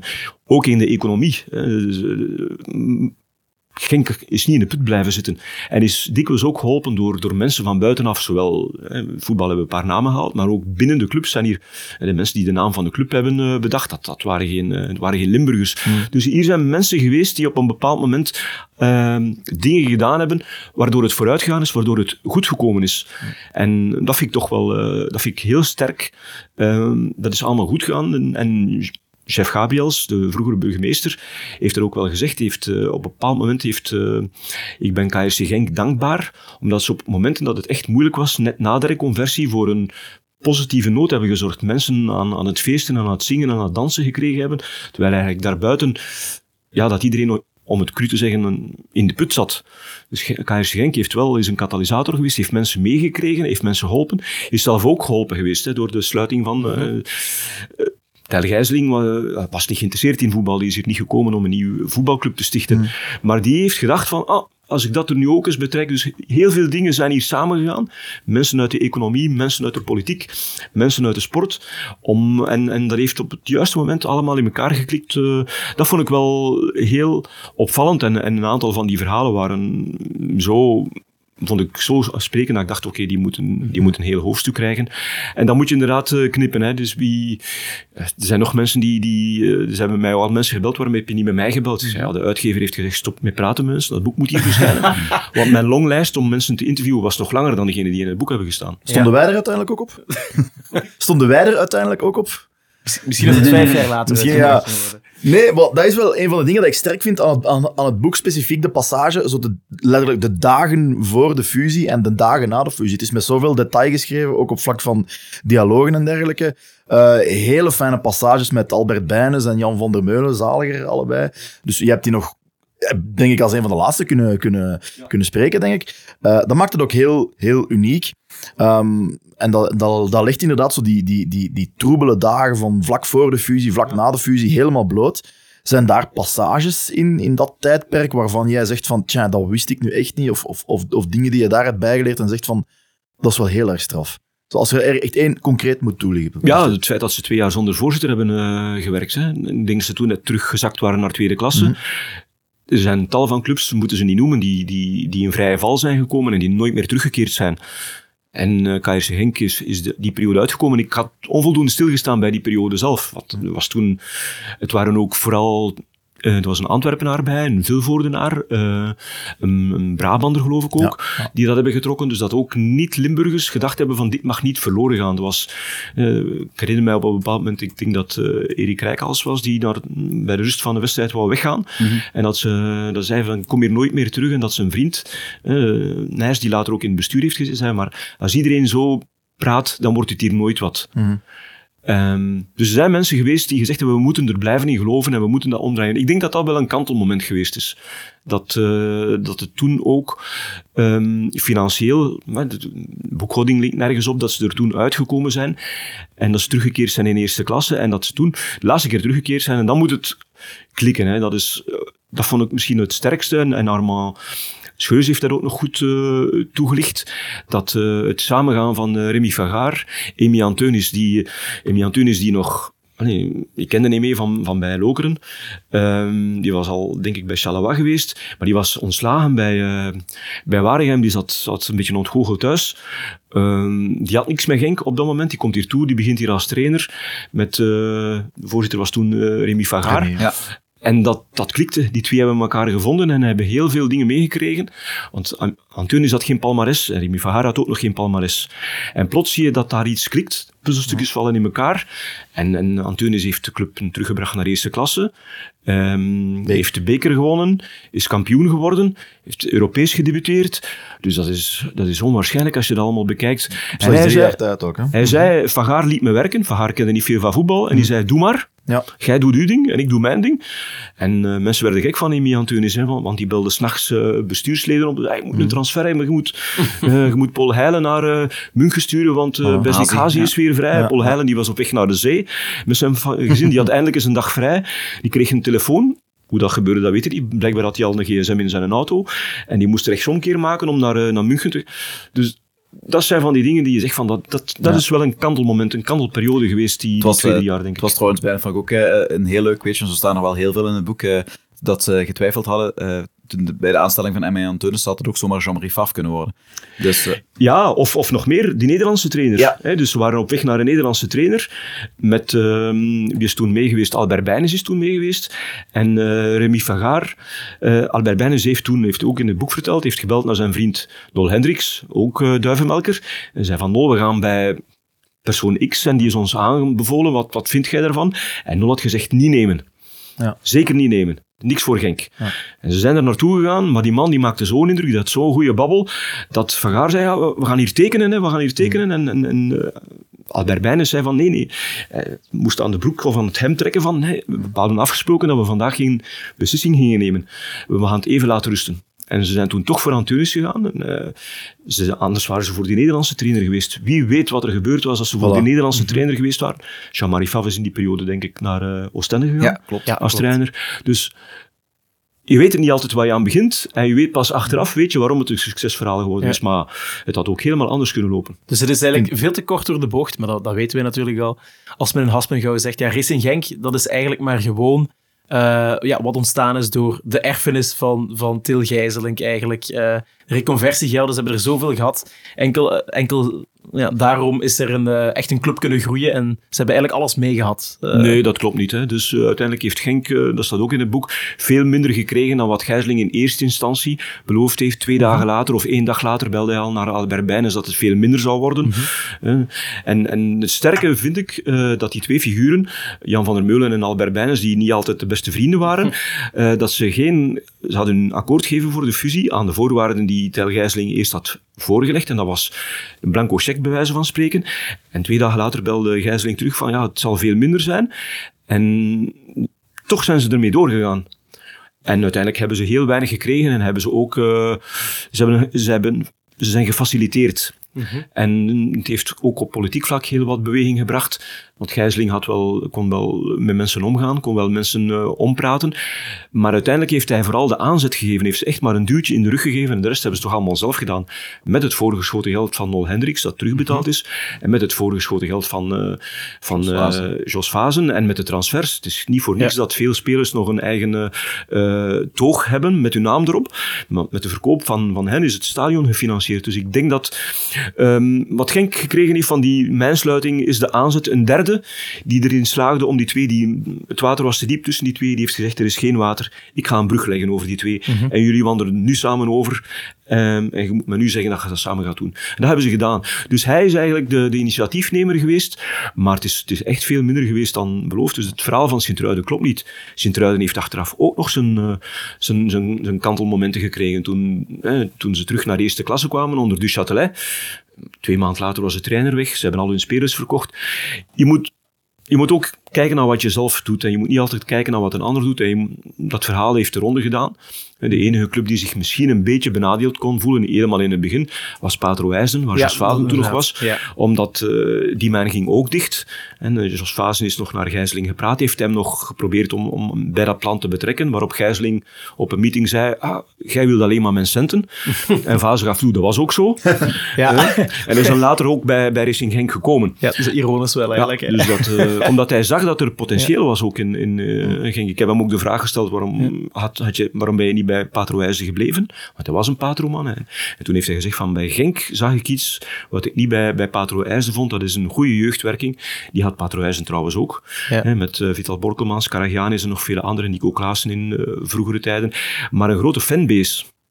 Ehm, een club heeft geen toekomst als je geen voldoende... En dat is wel opmerkelijk, dat zelfs in heel slechte tijden KSC Genk nooit voor 2 of 3000 man gespeeld heeft. Zelfs in de periode dat, dat eh, Erik Rijkals van de tribune liep, toen ze degradeerden naar tweede klasse, la- zaten nog altijd 5.000, 6.000 man op de tribune. Ja, dat is de absolute ondergrens inderdaad. We zijn er nooit onder ja, gegaan. dus dat, dat, dat had Jos Fase wel gezien van, ook in slechte tijden is daar een publiek voor, daar kan je opbouwen. Ik vind, vind, vind het heel interessant ook wat je zegt. eh, vergelijking Patro, vergelijking STVV. Zij hadden inderdaad... de- Roland Duch- Duchatelet is top 10 rijkste Belgen zullen we zeggen. Eh, terwijl vergelijk dat met Jos Fase is misschien top 10 rijkste Limburgers, maar niet bij de top 10 rijkste Belgen. Jos Fase komt hier aan de macht, zal ik zeggen. Hè. Investeert in KRC Genk. Wat, wat doen ze met dat geld? Ze bouwen de beste jeugdacademie van het land. Wat doet Roland Duch- Duchatelet in eh, Sint- Sint-Truiden? Hij legt een kunstgrasveld en hij brengt Albert Heijn aan in het stadion. Het is inderdaad, wat doet je met dat geld? En, en dat is vaak een, een, een heel goed argument, want, want ja, dat, dat mantra in Sint-Truiden is, staat heel, heel erg overeind van ja, KRC Genk is gewoon groot geworden met het geld van de mijnen, punt. Ah, dus ik vind het boek, er staan wel zo'n aantal eh, leuke dingen. Wat ik bijvoorbeeld ook niet wist, is dat eh, de bereidwilligheid tussen de besturen van Waterschei en Winterslag, dat daar wel eh, bereidwilligheid was om te fusioneren al veel vroeger. En dan staat er een heel leuke eh, anekdote in van op eh, eh, een bruiloft, waar dat, dus het was rond de jaren 1980 denk ik dat het was, dat, dat het bestuur dat ze er eigenlijk over eens waren dat ze gingen fusioneren. En er zou een nieuw stadion komen waar nu het sportcentrum is. En er was een bruiloft ergens in, in, in, in Winterslag. En daar is het bestuur van, van Winterslag gegijzeld geweest door de supporters van Winterslag. En Sanderendaags eh, hebben die mensen zich allemaal onthouden, eh, denk ik, op, op te stemmen. Heerlijk verhaal toch? Ja. Fantastisch, hè? Dus eh, eh, om maar te zeggen, dus het, het, het zat er wel al, eh, zat er wel al langer aan te komen. Ik zeg, het boek is doorspekt met, met van die kleine weetjes, wat het, wat het als uh, Genk-supporter enorm interessant maakt. Wat ik ook heel Lezen. fijn vind aan het, aan, het, aan het boek en aan de details erin, ja, er staan grote namen in. Iedereen kent Erik Gerrits, iedereen kent ja, Pierre de Jos Fase, eh, Tony Greco, Zaliger en dergelijke. Remy Gaar hebben we het ook over gehad. We hebben ook al namen horen passeren, zoals de Nol Hendricks bijvoorbeeld. Dat zijn zo wat de, de unsung heroes. Tijl Gijzelink, misschien ergens ook los van. Hè. Hij heeft de mijnen doen sluiten, maar uiteindelijk wat hij voor de club heeft gedaan is, is legio. Zijn er zijn er nog zo'n paar die je, eh, die je kan toelichten? Hè? Als, als, gelijk bijvoorbeeld ja, een, een Nol Hendricks. Ik kan me inbeelden dat niet iedereen weet wie dat is en wat hij heeft gedaan voor de club. Ja, Nol Hendricks uh, was, uh, is bij de club betrokken via Albert Bijnens, omdat ze duivenmelkers waren en voetballiefhebbers. Die kwamen elkaar wel eens tegen. Want Albert Bijnens ging ook naar, naar jeugdvoetbal kijken. Nol Hendricks was uh, gefascineerd door, door, door jeugdvoetbal. Ehm, die was ook actief bij, bij Roda JC. Heeft hij, is hij heel lang geweest, tot het einde van zijn leven. Was een, een self-made man. Ehm, in Nederlands-Limburg met een passie voor voetbal. Maar Nol wou wel belangrijk zijn. En dat is een, een stap die later Jos Vazen teruggenomen heeft. Jos Vazen had, heeft een moment gehad dat hij de club naar zich toe had kunnen trekken. En dat KRC Genk de club van Jos Vazen had kunnen zijn. Eh, om die structuur te veranderen. Dat heeft hij niet gedaan. Maar het klopt dat, ik denk dat uh, Nol Hendricks dat gedaan heeft omdat Albert Bijnes dat vroeg. Maar ook omdat hij perspectief zag in, uh, in KSC Genk. -hmm. Maar hij is ook terugbetaald geworden. Hè. Dat, is alles terugbetaald. Ja, hij wou, hij wou, ik denk niet dat hij de sterke man van KSC Genk wou worden. Nee. Daarvoor was hij te zeer verweven bij uh, Roda JC. Maar ik denk dat dat een man was die, die op zoek was naar opportuniteiten, die, die wou investeren om dan later iets uh, terug te verdienen. Je had zo'n mensen in de jaren 80 en 90 had je die nog veel. Hè. Die zijn nu iets minder. Nu zijn de meeste investeerders in clubs zijn, zijn grote fondsen, Amerikaanse fondsen. Mm. Uh, wie weet, uh, John Textor bij RWDM is nog een naam, maar er zit een hele groep achter. Wie weet, de, de eigenaars van Standaard, Oostende, wie weet wie daarachter zit. Mm. Uh, dat waren mensen die, een beetje zoals Mark Koeken ook nog, die van vlees en bloed, die kon je benaderen, die kon je aanspreken. Dus, uh, maar die tijd is nu al, uh, denk ik, een beetje voorbij. Dat, Jos Vazen heeft, uh, heeft hem wel nog een plezier teruggedaan, staat ook te lezen in het boek. heeft Nol Hendricks nog een plezier teruggedaan. Hij heeft hem Aruna Kone van, uh, van Lierse van Lierse, ja. ja. Aange, ja. Aangeboden. En ja, die heeft dan uh, bij, bij Roda is die helemaal ontploft. En, ja, omdat uh, KSC Genk toen te weinig geld had om een spits te kopen. Ze waren volop bezig met investeren in het stadion. En achteraf zei hij van, ook al hadden we het geld niet gehad, we hadden hem toch moeten kopen. maar dat is dan weer van, ja, de, welk perspectief zie je iemand en tot welke hoogte kan die doorgroeien op een bepaald moment. Je weet dat niet altijd. Nee. En, en, dat is een gok. En dat is ook het leuke in voetbal. En, en mensen als Jos Fase vinden dat, vinden dat fijn. En mensen als Nol Hendricks ook, om een onbekende iemand om daar geld in te geven en die dan later te zien doorgroeien. Ja. Maar voor elke Aruna Kone zijn er ook drie of vier voetballers in wie je hetzelfde bedrag investeert en wie, van wie je later nooit iets ja. meer terug hoort. Een zorg bijvoorbeeld. Ja. in, navolging, in navolging, Wim, van wat dat je zei, van, van dat de, de besturen van Waterschijn en Winterslag het redelijk goed met elkaar konden vinden, nog zo'n unsung hero, Stani Kowalski was zo'n beetje de man die de kerk in het midden hield. Hè. Bij, die, bij die vroege bes besprekingen stond in het boek dat uh, uh, Jan van der Meulen te veel A zei en Albert Bijnes te veel B. En Stanny Kowalski die was een beetje de lijm tussen de twee. Hè? Ja, ja, Jan van der Meulen was een zeer outspoken man. Een sterke persoonlijkheid, heel extrovert.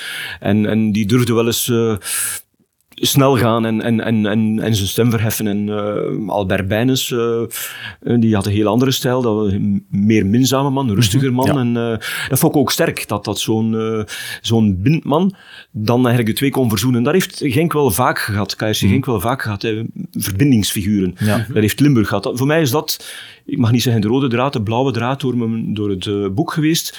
Eh, zowel in het voetbal als, als buiten het voetbal. Een aantal mensen die voor verbinding zorgden. En, en ik vind dat heel sterk in Limburg. Dat is, uh, dat, dat uh, is misschien ook een zwak, een sterk punt en een zwak punt, omdat je zegt van we moeten het allemaal samen doen. Patrick Jansen heeft daar ook nog gezegd van je hebt meer samenwerking dan, dan je in Antwerpen hebt. In Antwerpen heb je ook discussies gehad over het voetbal. Ik heb een aantal jaar Germinal Beerschot, Germinal gevolgd en, en dan was de vraag van, toen die club ontstond, GBA, die A stond voor Antwerpen, mm -hmm. want die komen er ook wel bij. Mm -hmm. Dat is niet gelukt en dan een nieuw stadion.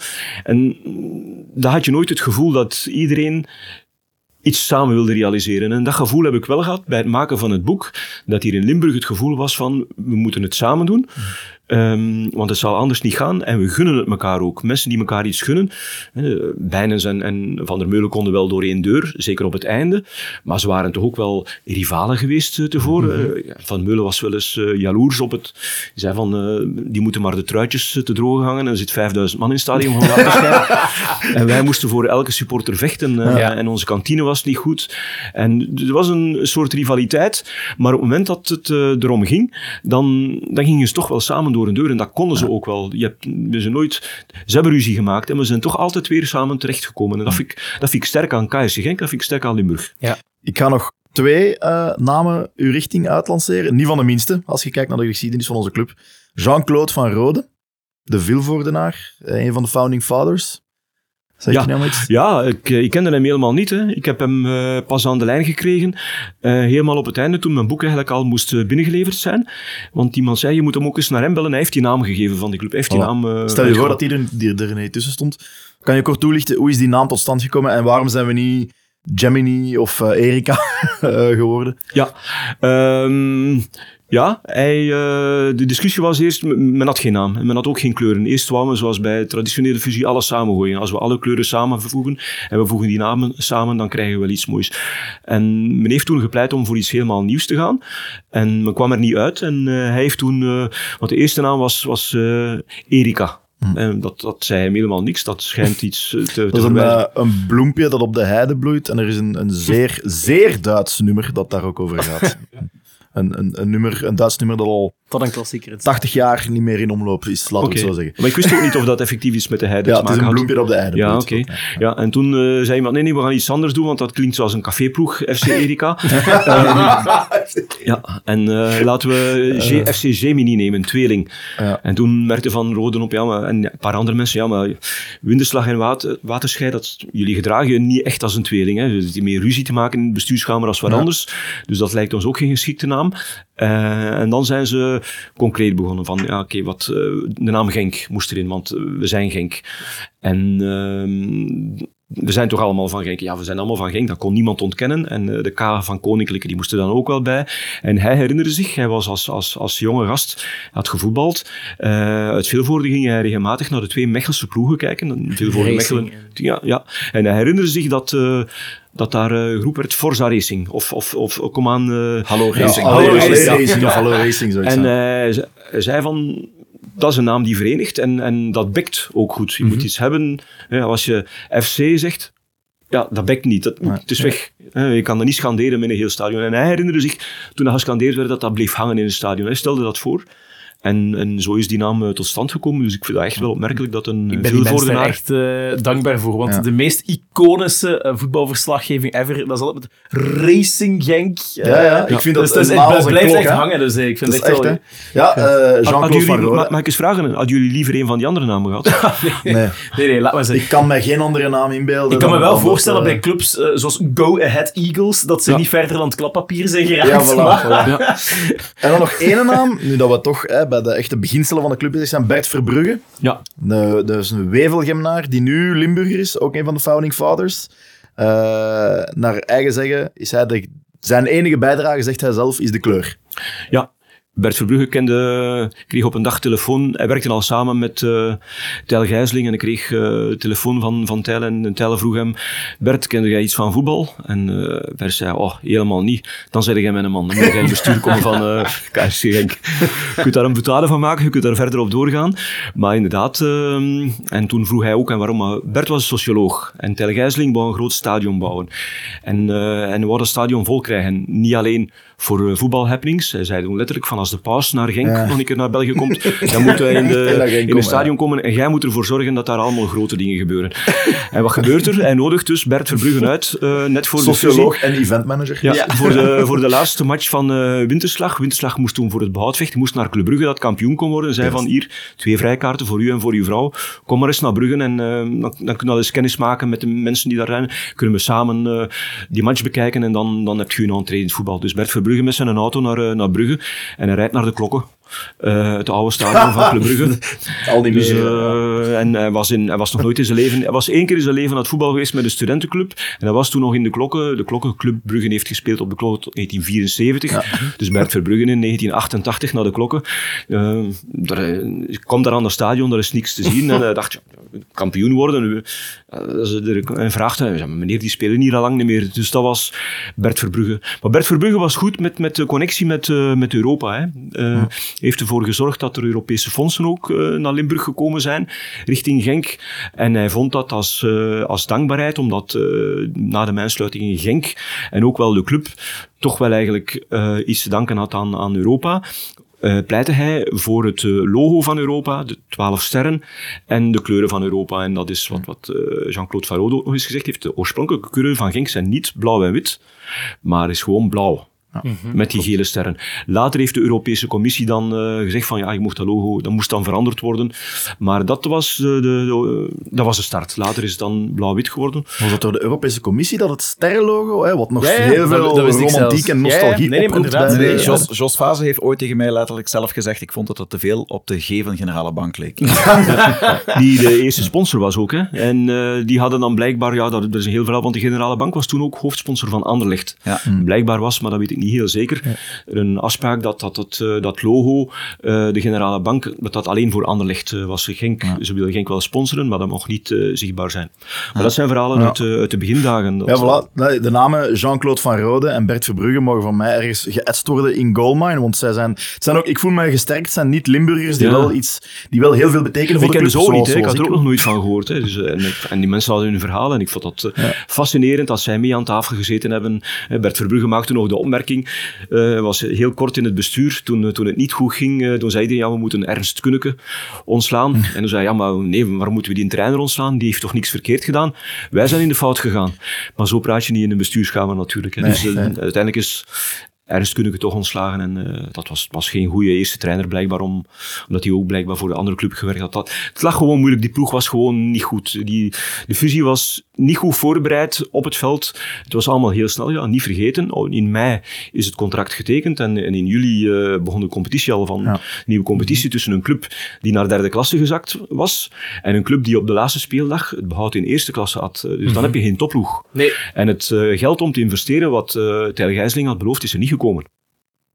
Dus dat was eigenlijk het begin van KSC Genk. Ja. Mensen zeggen wel eens van, we waren misschien beter meteen in tweede klasse begonnen om dan omhoog te gaan, liever dan uh, het water tot lippen te krijgen en twee keer te degraderen in die moeilijke eerste tien jaar. Dat weet je niet. Dus... Ja, dan waren die twee jaar zonder voorzitter er bijvoorbeeld niet Onder geweest, meer. waar ze toch zijn ja. doorgesparteld. Waar, uh, eigenlijk al, daar zijn eigenlijk al de eerste beginselen gelegd van, van wie er vandaag nog is. Toen was Erik Gerrits is toen aangenomen als stagiair Ja. onder andere. Ja. Uh, wie was toen de... Paul Heijlen. Paul Heijlen, Paul die zocht ik. Ja, dat is eigenlijk ook een van de hyperbelangrijke personen Paul geweest. Baten was toen ook bij de Paul club. Baten, voilà. Waren heel weinig, het waren twee, Tony twee werknemers. Hè? Twee of drie werknemers Ja, waren. dat is ja. En Tony. Greco was dan nog... Uh, ja, Ja. dat is... Uh, Tony, fantastisch figuur. Hè? Fantastisch figuur. Ja, Ja, absoluut. toch in die moeilijke eerste fase een paar prachtspelers die icoon zijn geworden van Racing Genk. Enorm, hè? Frane Boekan, Carmel Bouzoutil. Eh, dat was allemaal in die woelige fase dat, er, eh, dat het niet om aan te gluren was. Dus eh, het had zijn charme, eigenlijk, eh, Ja. tot het allemaal ontplofte. ja, Maar het is toch niet onbelangrijk. Franie, eh eh, Boekan, dat verhaal ken ik iets minder, maar eh Boezotil is, is, op de, is mee op de bus gestapt. Als, er waren drie testspelers die ze meenamen naar het Zwarte Woud na de eerste training. Dus niemand kende hem. Hij kwam van een Italiaanse vierde klasser. En toch werd hij een idool. Het verhaal van Stroeper is bekend. Die houten Klaas kan niet voetballen. Er is flinke discussie geweest. Uiteindelijk heeft men hem dan toch genomen. Eh, en, en is, dus je komt niet altijd binnen als idool. Soms kom je door de achterdeur binnen. En dat is het mooie van, van zo'n figuren. En, en bij een club als KRC Genk... eh, je hebt er nog zo gehad. Bijvoorbeeld eh, Jean-Pierre Papin kwam van een tweede klasse club Brugge. En, en is helemaal ontploft in één jaar. Soms komen van die mensen binnen die niemand kent en die op een jaar zich in de, de harten van de supporters Ja. kunnen voetballen. En, ik wil het nog maar even aangeven, die zijn niet binnengehaald als Feddet en die zijn hier geworden, omdat zij brachten wat jullie graag zien, bloed, zweet en tranen. En, en ook nog een bepaalde eigenheid, waardoor de mensen zich met hen konden identificeren. Nabijheid ook. Hè. Ik denk dat je bij die mensen kon, uh, daar, kon je, daar kon je tegen praten. Die zaten niet in die voor een toren, die liepen over straat, die waren aanspreekbaar. Ik denk dat dat ook heel belangrijk is. Ik, ik, Dat is nog steeds ook, hè? Dat is Ja. nog steeds. Maar dat, dat, dat, dat was ook gewoon die tijd. hè. En dan om het over de benaderbaarheid te hebben. Ik weet nog altijd dat je, ehm, waar je oh, vroeger Café White Light had, had je het eh, oud appartement van Branko Stroepar. en eh, het werd zo in de zomer wel altijd heel warm in Genk. En blijkbaar had hij gewoon altijd zijn frigo openstaan om af te koelen. dus in plaats van zo airco of zo, nee, nee, gewoon de frigo open en dan zat hij daar gewoon zo in zijn zetel. Dus om maar te zeggen, allee, dat zijn Dat is, een beetje jaren negentig. dat is een beetje het verhaal van Logan Bailly bij Mönchengladbach, die? De, winter, de hele winter door zijn zwembad eh, had laten verwarmen en zijn elektriciteitsrekening niet meer betaald kreeg. Oké, maar goed. Dat verhaal blijkt te kloppen. Ja. dus, dus een luiks bubbelbad en dan eh, een eh, Balkan Airco. Ja, Dat is- een Balkan Airco. Balkan eh, Airco. ja. Ehm, ja, het is, allee, we kunnen heel, heel lang doorgaan over, over namen die, die dreigen te vallen tussen de mazen van eh, de geschiedenis van, van onze club. Maar ik ga, ik, ga, ik ga voor de rest niet spoilen. Ik kan onze luisteraars alleen maar aanmoedigen. Mhm. Koop dat boek en lees het, want alles staat erin. Het is, Ja. Ik ga het ook vaak gebruiken als naslagwerk, als voorbereiding voor, voor, voor komende af, afleveringen. Dus eh, op dat vlak Ja. kan ik niet te veel name dropping mee doen. Ehm, je hebt gezegd dat je de, dat je de mijn van Blenny hebt eh, bezocht. Ik heb dat ook eens gedaan, in- heel lang geleden, met, met de lagere school nog, denk ik. Zou dat een vast ritueel moeten zijn voor de, voor de spelers? Dat ze dat om de twee jaar, zeg maar, eens een keer iets doen? Ja, ik vind van wel. Absoluut. Net zoals ik het vast ritueel zou vinden, maar dat, de club was daar niet zo voor om het Limburgs volkslied voor de thuiswedstrijden te spelen. Om de Ja. mensen vroeger in het stadion te krijgen. En niet als de wedstrijd al begint, dat ze nog van overal komen. ik vind dat wel, ja. Ik vind dat je daar niet moet mee overdrijven. Maar het is wel goed dat spelen, buitenlandse spelers die hier komen, kennen KSC Genk niet. Helemaal niet. En mensen moeten zich daar geen illusies over maken. Ze kennen hooguit Anderlecht, Club Brugge, Standaard. En that's it. Eh, die komen naar hier om een ticket te hebben om naar een grote club te gaan. Maar ook als ze hier maar een jaar blijven of twee jaar, vind ik het wel heel belangrijk dat ze weten waar ze komen. En, en, en dat was ook een, een, eh, een suggestie die Thomas Buffel ook heeft, en ook, die ook in het boek staat. Thomas Buffel is bij Feyenoord en bij Glasgow Rangers aangekomen. En hij- de manier waarop hij daar binnengeleid werd en zijn contract tekende en door die trofeeënkamer liep, zegt hij, dan krijg je meteen het gevoel, dan weet je waar je bent. En dan heb je ook het gevoel wat van jou verwacht wordt. Ik denk, ik denk dat, dat ik niet overdrijf als ik zeg dat spelers bij KSC Genk in de watten gelegd worden. Ik denk dat er weinig clubs zijn eh, in België, maar zelfs in Europa, als je absolute top buiten beschouwing laat, waar zoveel gedaan wordt voor spelers. Ik denk dat spelers niet altijd weten waar die club voor staat. En er wordt wel eens gezegd van eh Genki loopt daar en ze zien dat wel, maar als je daaronder gaat... Ik herinner me van, van die afdaling de mijn met die spelers dat die allemaal... Er was niemand die zei van zeg wat voor zeven is dat hier. Ja, wat was uw reactie? Dat, Ja, dat wil ik die waren, weten, eh, ja. die, die waren echt wel van wauw. En ook, het was maar twee, je kunt maar twee verdiepingen onder eh, de grond gaan. hè. Het was niet op 700 of 800 meter. Ik ben zelf nog afgedaald in de mijn van Waterschijn met de middelbare school. eh, toen je op handen en voeten moest kruipen. Ik vond dat beklemmend. Nu, dat kan niet meer. Die mijnen zijn dicht, staan onder water. Of zijn die dingen zijn gebetoneerd. Maar als je in Blenie komt, heb je het gevoel en krijg je ook de uitleg van mensen die nog mijnwerker geweest zijn, Limburgers ook dikwijls, ehm, bij de Nederlandstalige rondleidingen, van dit zijn de roots van die club. Ik vind dat wel belangrijk. Ik vind dat je met die spelers ook eens op die teril moet gaan. Dat je eens op een training moet gaan zeggen van... Oké, nu even geen training, we gaan te voet naar boven. En kijk maar eens. Hè. Kijk maar eens, je ziet ook de trails in Luik in de verte, die in Nederland nog amper. Maar dan zie je, dit is KRC Genk. Niet alleen het stadion, dat mooi is, maar dit zijn onze roots. En dat, dat die spelers realiseren zich dat niet. Die, die, Nee. die bekijken dit als opstapje voor een eh, grotere club in Europa, een paspoort. Maar ik denk dat je met een, met een heel andere mentaliteit op het veld komt en, en, en je vak beleeft als je dat meekrijgt. Veel van die spelers die hier aankomen, ook jongens uit Afrika, komen zelf uit eh, minder begoede omgeving. Die zorgen ook dikwijls voor heel hun familie, voor hun dorp. Dus die kunnen zich wel, die komen al uit een moeilijke context. Als die ook zien respect op. ja, dat- als die, als die ook, zien dat het hier niet allemaal een chic stadion is en dat ze bij Pepe's de beste en in de Vennestraat lekker kunnen eten, maar dat dat hier echt wel miserie geweest is vroeger en hard gewerkt is, dan die mensen begrijpen dat omdat ze dat ook in hun thuisland nog gezien hebben. Er zijn geen rijke mensen die hier komen voetballen. Dus ik denk dat dat wel goed is. Dat, dat, je hoeft dat misschien niet elke keer, maar toch om de twee jaar, eh, om ze nog eens mee te nemen naar Of naar Seamine met zo'n bril op, dat ze eens even kijken en een rondleiding krijgen. Dat hoeft geen dag te duren, maar gewoon even voelen van, dit zijn wij, dit zijn onze roots.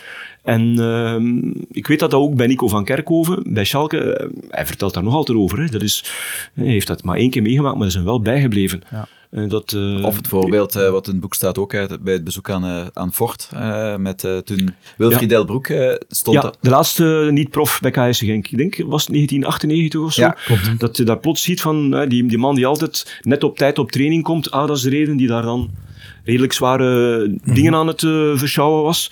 Dan zeg je van, oeh. En die staat en, en, en, en ja, die gaat voorop in de strijd en die werkt hier nog eens. eh, dus die zat niet op een bureau rustig met zijn vingers te draaien en te wachten tot de timer ging, eh, tot Ja. de training begon. Dus ik denk dat daar ook wel en, eh, mensen Ja. die hem meegemaakt hebben, die, die schrokken. En hij voelde ook dat de respect naar hem toe, achteraf van die andere spelers, groter werd. En Dat is niet meer van deze, deze dagen. Hè. Union heeft er de voorbije jaren nog een paar gehad die nog een gewone job gehad hebben. Hè, Teddy Thomas nog onder meer. Ik weet een wel nog de legendarische campagne van Zulte Waregem Ja. in de UEFA Cup, met toen nog Ja. eh, allemaal semi-profs. Dat is nog altijd Stijn. Meert en zo van die Stijn mannen. Meert, ja. ja, eh, Maar Waterschei heeft ook meegemaakt. Hè. Pier Jansen vertelde dat hij eh, na de legendarische overwinning tegen Paris Saint-Germain, dat hij eh, in zijn stamcafé in uh, Oppitter een, een pintje ging drinken. En uh, zondag ging hij gewoon werken bij Wegebo en stond om half zeven op de werf in, in Overpelt. Hè.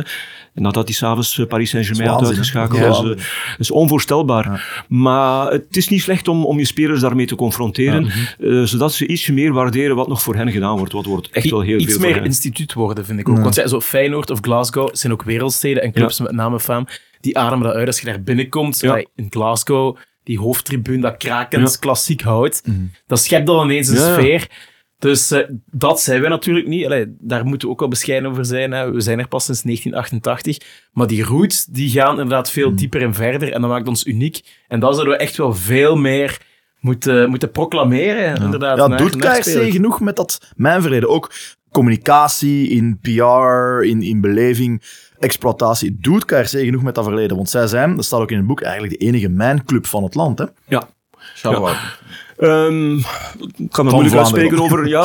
ehm, ik denk dat het, en, en dat is wel goed, en dat, dat is ook omdat het een, een club is die nog altijd geleid wordt door mensen van hier. Ze hebben in elk geval een oor voor, eh, ik bedoel, als er problemen zijn, dan, dan zal Erik Gerrits daarover aangesproken worden. Als hij zijn tour gaat maken, ik ben zelf met hem rond geweest bij een eh, competitiewedstrijd. Ik vond dat indrukwekkend hoe hij in de loges eh, de, de belangrijke gasten ontving. En dan vervolgens ging ik met hem mee naar Tribune Zuid, hoe hij daar met...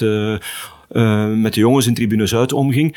En alles goed en die is aanspreekbaar. Daar kan je iets tegen zeggen. En die, die, die doet daar ook iets mee. Eh, soms zijn dat kleine details. Ik herinner mij mijn periode als journalist dat iemand zei in de mixzone, ja, die verlichting, dat, dat trekt hier op niks. En Erik Gerrits had dat gehoord en een maand of twee later ehm staat terug in de mixzone. licht in En, Vlaanderen. ja, de- en, en, en genoeg licht, jongens. dus Ja, dat is mooi. Dat is, dat is Ja, heel Dus, mooi. dus er is hier wel een bereidheid. En, en die bereidheid hier om iets te doen met de verzuchtingen van, van de supporters. Het is niet altijd makkelijk. Hè. Ik weet dat er discussie geweest is over de, de, de, de prijsverhogingen van het bier. Ik weet dat daar ettelijke discussies aan vooraf gegaan zijn. men, men is daar wel mee bezig. Waarom? Omdat het bijna allemaal zelf Limburgers zijn die hier in de regio wonen en die, die persoonlijk benaderbaar zijn. Dus ze staan er wel voor open. Of ze voldoende doen, ik denk het wel, maar altijd, alles kan altijd beter. Het is aan, ik zou zeggen, het is aan jullie om, om suggesties te doen, omdat die lijnen net heel kort zijn. Als op Oostende men niet tevreden is, of men is eh, op RWDM of op Standaard niet tevreden, dan moeten ze al het kot in brand steken, opdat die Amerikaanse eigenaars het eh, aan de andere kant het, het te horen of te zien gaan krijgen. Het voordeel van KSC Genk is de, de korte lijnen, mensen zijn benaderbaar en staan er ook voor open.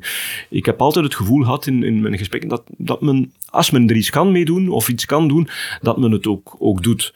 Dus ik zou zeggen, het is aan jullie en aan de andere mensen om... eh, er zijn echt weinig clubs waar, waar Tribune Zuid bijvoorbeeld is de barometer van hoe het met KRC Genk gaat. Als, als het daar gejoeld wordt, dan vraagt men zich af... Misschien soms iets te vroeg, hè?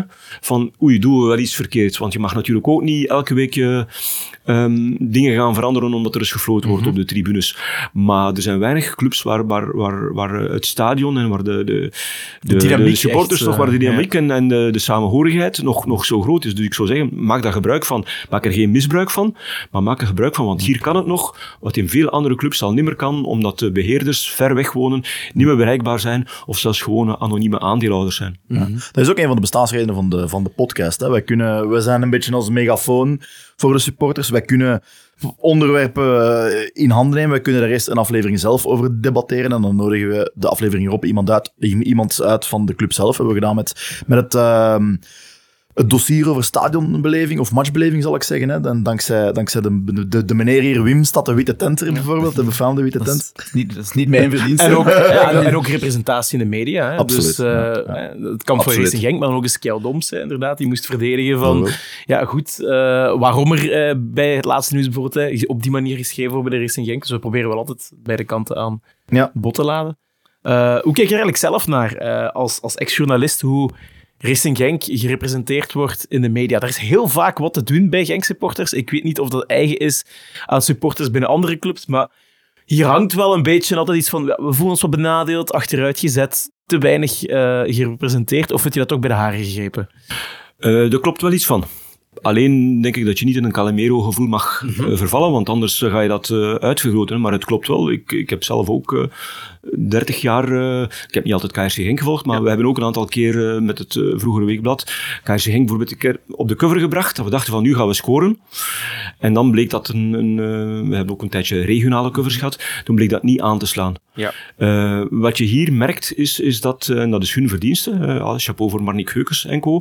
Het Belang van Limburg heeft een quasi-monopolie bij, bij, bij KRC Genk. Daar kan je, daar kan je niet tegenop. hè. Dat weet Kjell Dooms, die ondertussen mee Anderlecht volgt voor, het, Ja. voor het laatste. Die, We hebben die nu eh, ook- Bob Vaas. Bob ook Vaas, een hele ja. toffe gast. Ja, hoor. absoluut. Ja, heb ik ook nog gekend eh, bij het begin van het boek. ehm, een paar keer ontmoet. Die doet dat ook heel goed. Maar het klopt dat eh, het Belang van Limburg heeft een, een, een quasi-macht. Ik herinner mij een verhaal dat ook in het, waarschijnlijk nog in het boek staat. Eh, Jos Vaas was op een dag zo boos op het Belang van Limburg dat hij zei, ik ga mijn abonnement op, op, opzeggen en, ik, en, ik koop het, en ik koop het laatste nieuws. En ik zei, hoe is dat afgelopen? En hij antwoordde, wel, ik heb, ben daar moeten van terugkomen, want ik wist niet meer wat er in Limburg gebeurde. dat is, Dat kwam niet. En bij het laatste nieuws zullen ze, stel dat hij gebeld had naar de klantendienst, zullen ze gezegd hebben, ja, maar ja, wij kunnen niet op tegen, eh, want alles staat in het, eh, in het Belang van Limburg. Dus het Belang van Limburg is een sterkte, maar betekent ook dat de anderen zeggen, ja, daar, daar kan je moeilijk tegenop kunnen. En, en wij hebben dat met Sportvoetbalmagazine zelf gemerkt. Ook al bracht je mooie verhalen over KRC Genk, bracht je dossiers, bracht je KRC Genk op de cover, dat vertaalde zich niet, want uiteindelijk zijn het allemaal commerciële eh, instellingen, dat vertaalde zich niet in een meerverkoop, waardoor mensen zeiden, ja, oké, KRC Henk alleen nog op de cover als daar een bekende naam als trainer komt of als ze een prijs winnen. Ja. Dat is dan uiteindelijk Waar wat de conclusie geworden. gaat. hè. Ja, ja, ja, dus in die zin snap ik het, het, het gevoel dat hier leeft van we worden te weinig eh, voor vol aanzien. Maar wat wel helpt, en dan komen we helemaal terug naar het begin van het gesprek, stel dat je nu eens een paar goede Europese campagnes hebt, dan gaat Peter van den Bemt altijd met KRC Henk mee. ja, daar zijn we weer. En dan, Ja. eh dan zei je weer. Maar dan moet je, dan moet je twee jaar naar elkaar minstens overwinteren. Mhm. En eventueel als, eh, als Union de kwartfinale kan halen in Europa League, dan moet KRC Genk dat ook kunnen halen. Als je rijk bent, heb je vrienden. Ja, Dat is ja zeggen, niet, altijd, eh, niet altijd. Ik denk dat, eh, dat je dat soms ook een beetje afdwingt. Eh, in het geval van Union kan je dat nu niet zeggen, maar Club Brugge kan dat wel. Die, die hebben zoiets van, we doen dat wel even. Hè, omdat ze het ook al een paar keer meegemaakt hebben. Winnen doet winnen. Hmm. En het feit dat, dat nu bij iedereen rond KRC Genk zegt van, oh, het is al van 2018 geleden, dat nog eens maar... Dat, dat creëert rond die club en misschien ook binnen de club zo'n gevoel van, oei, kunnen we dat eigenlijk wel?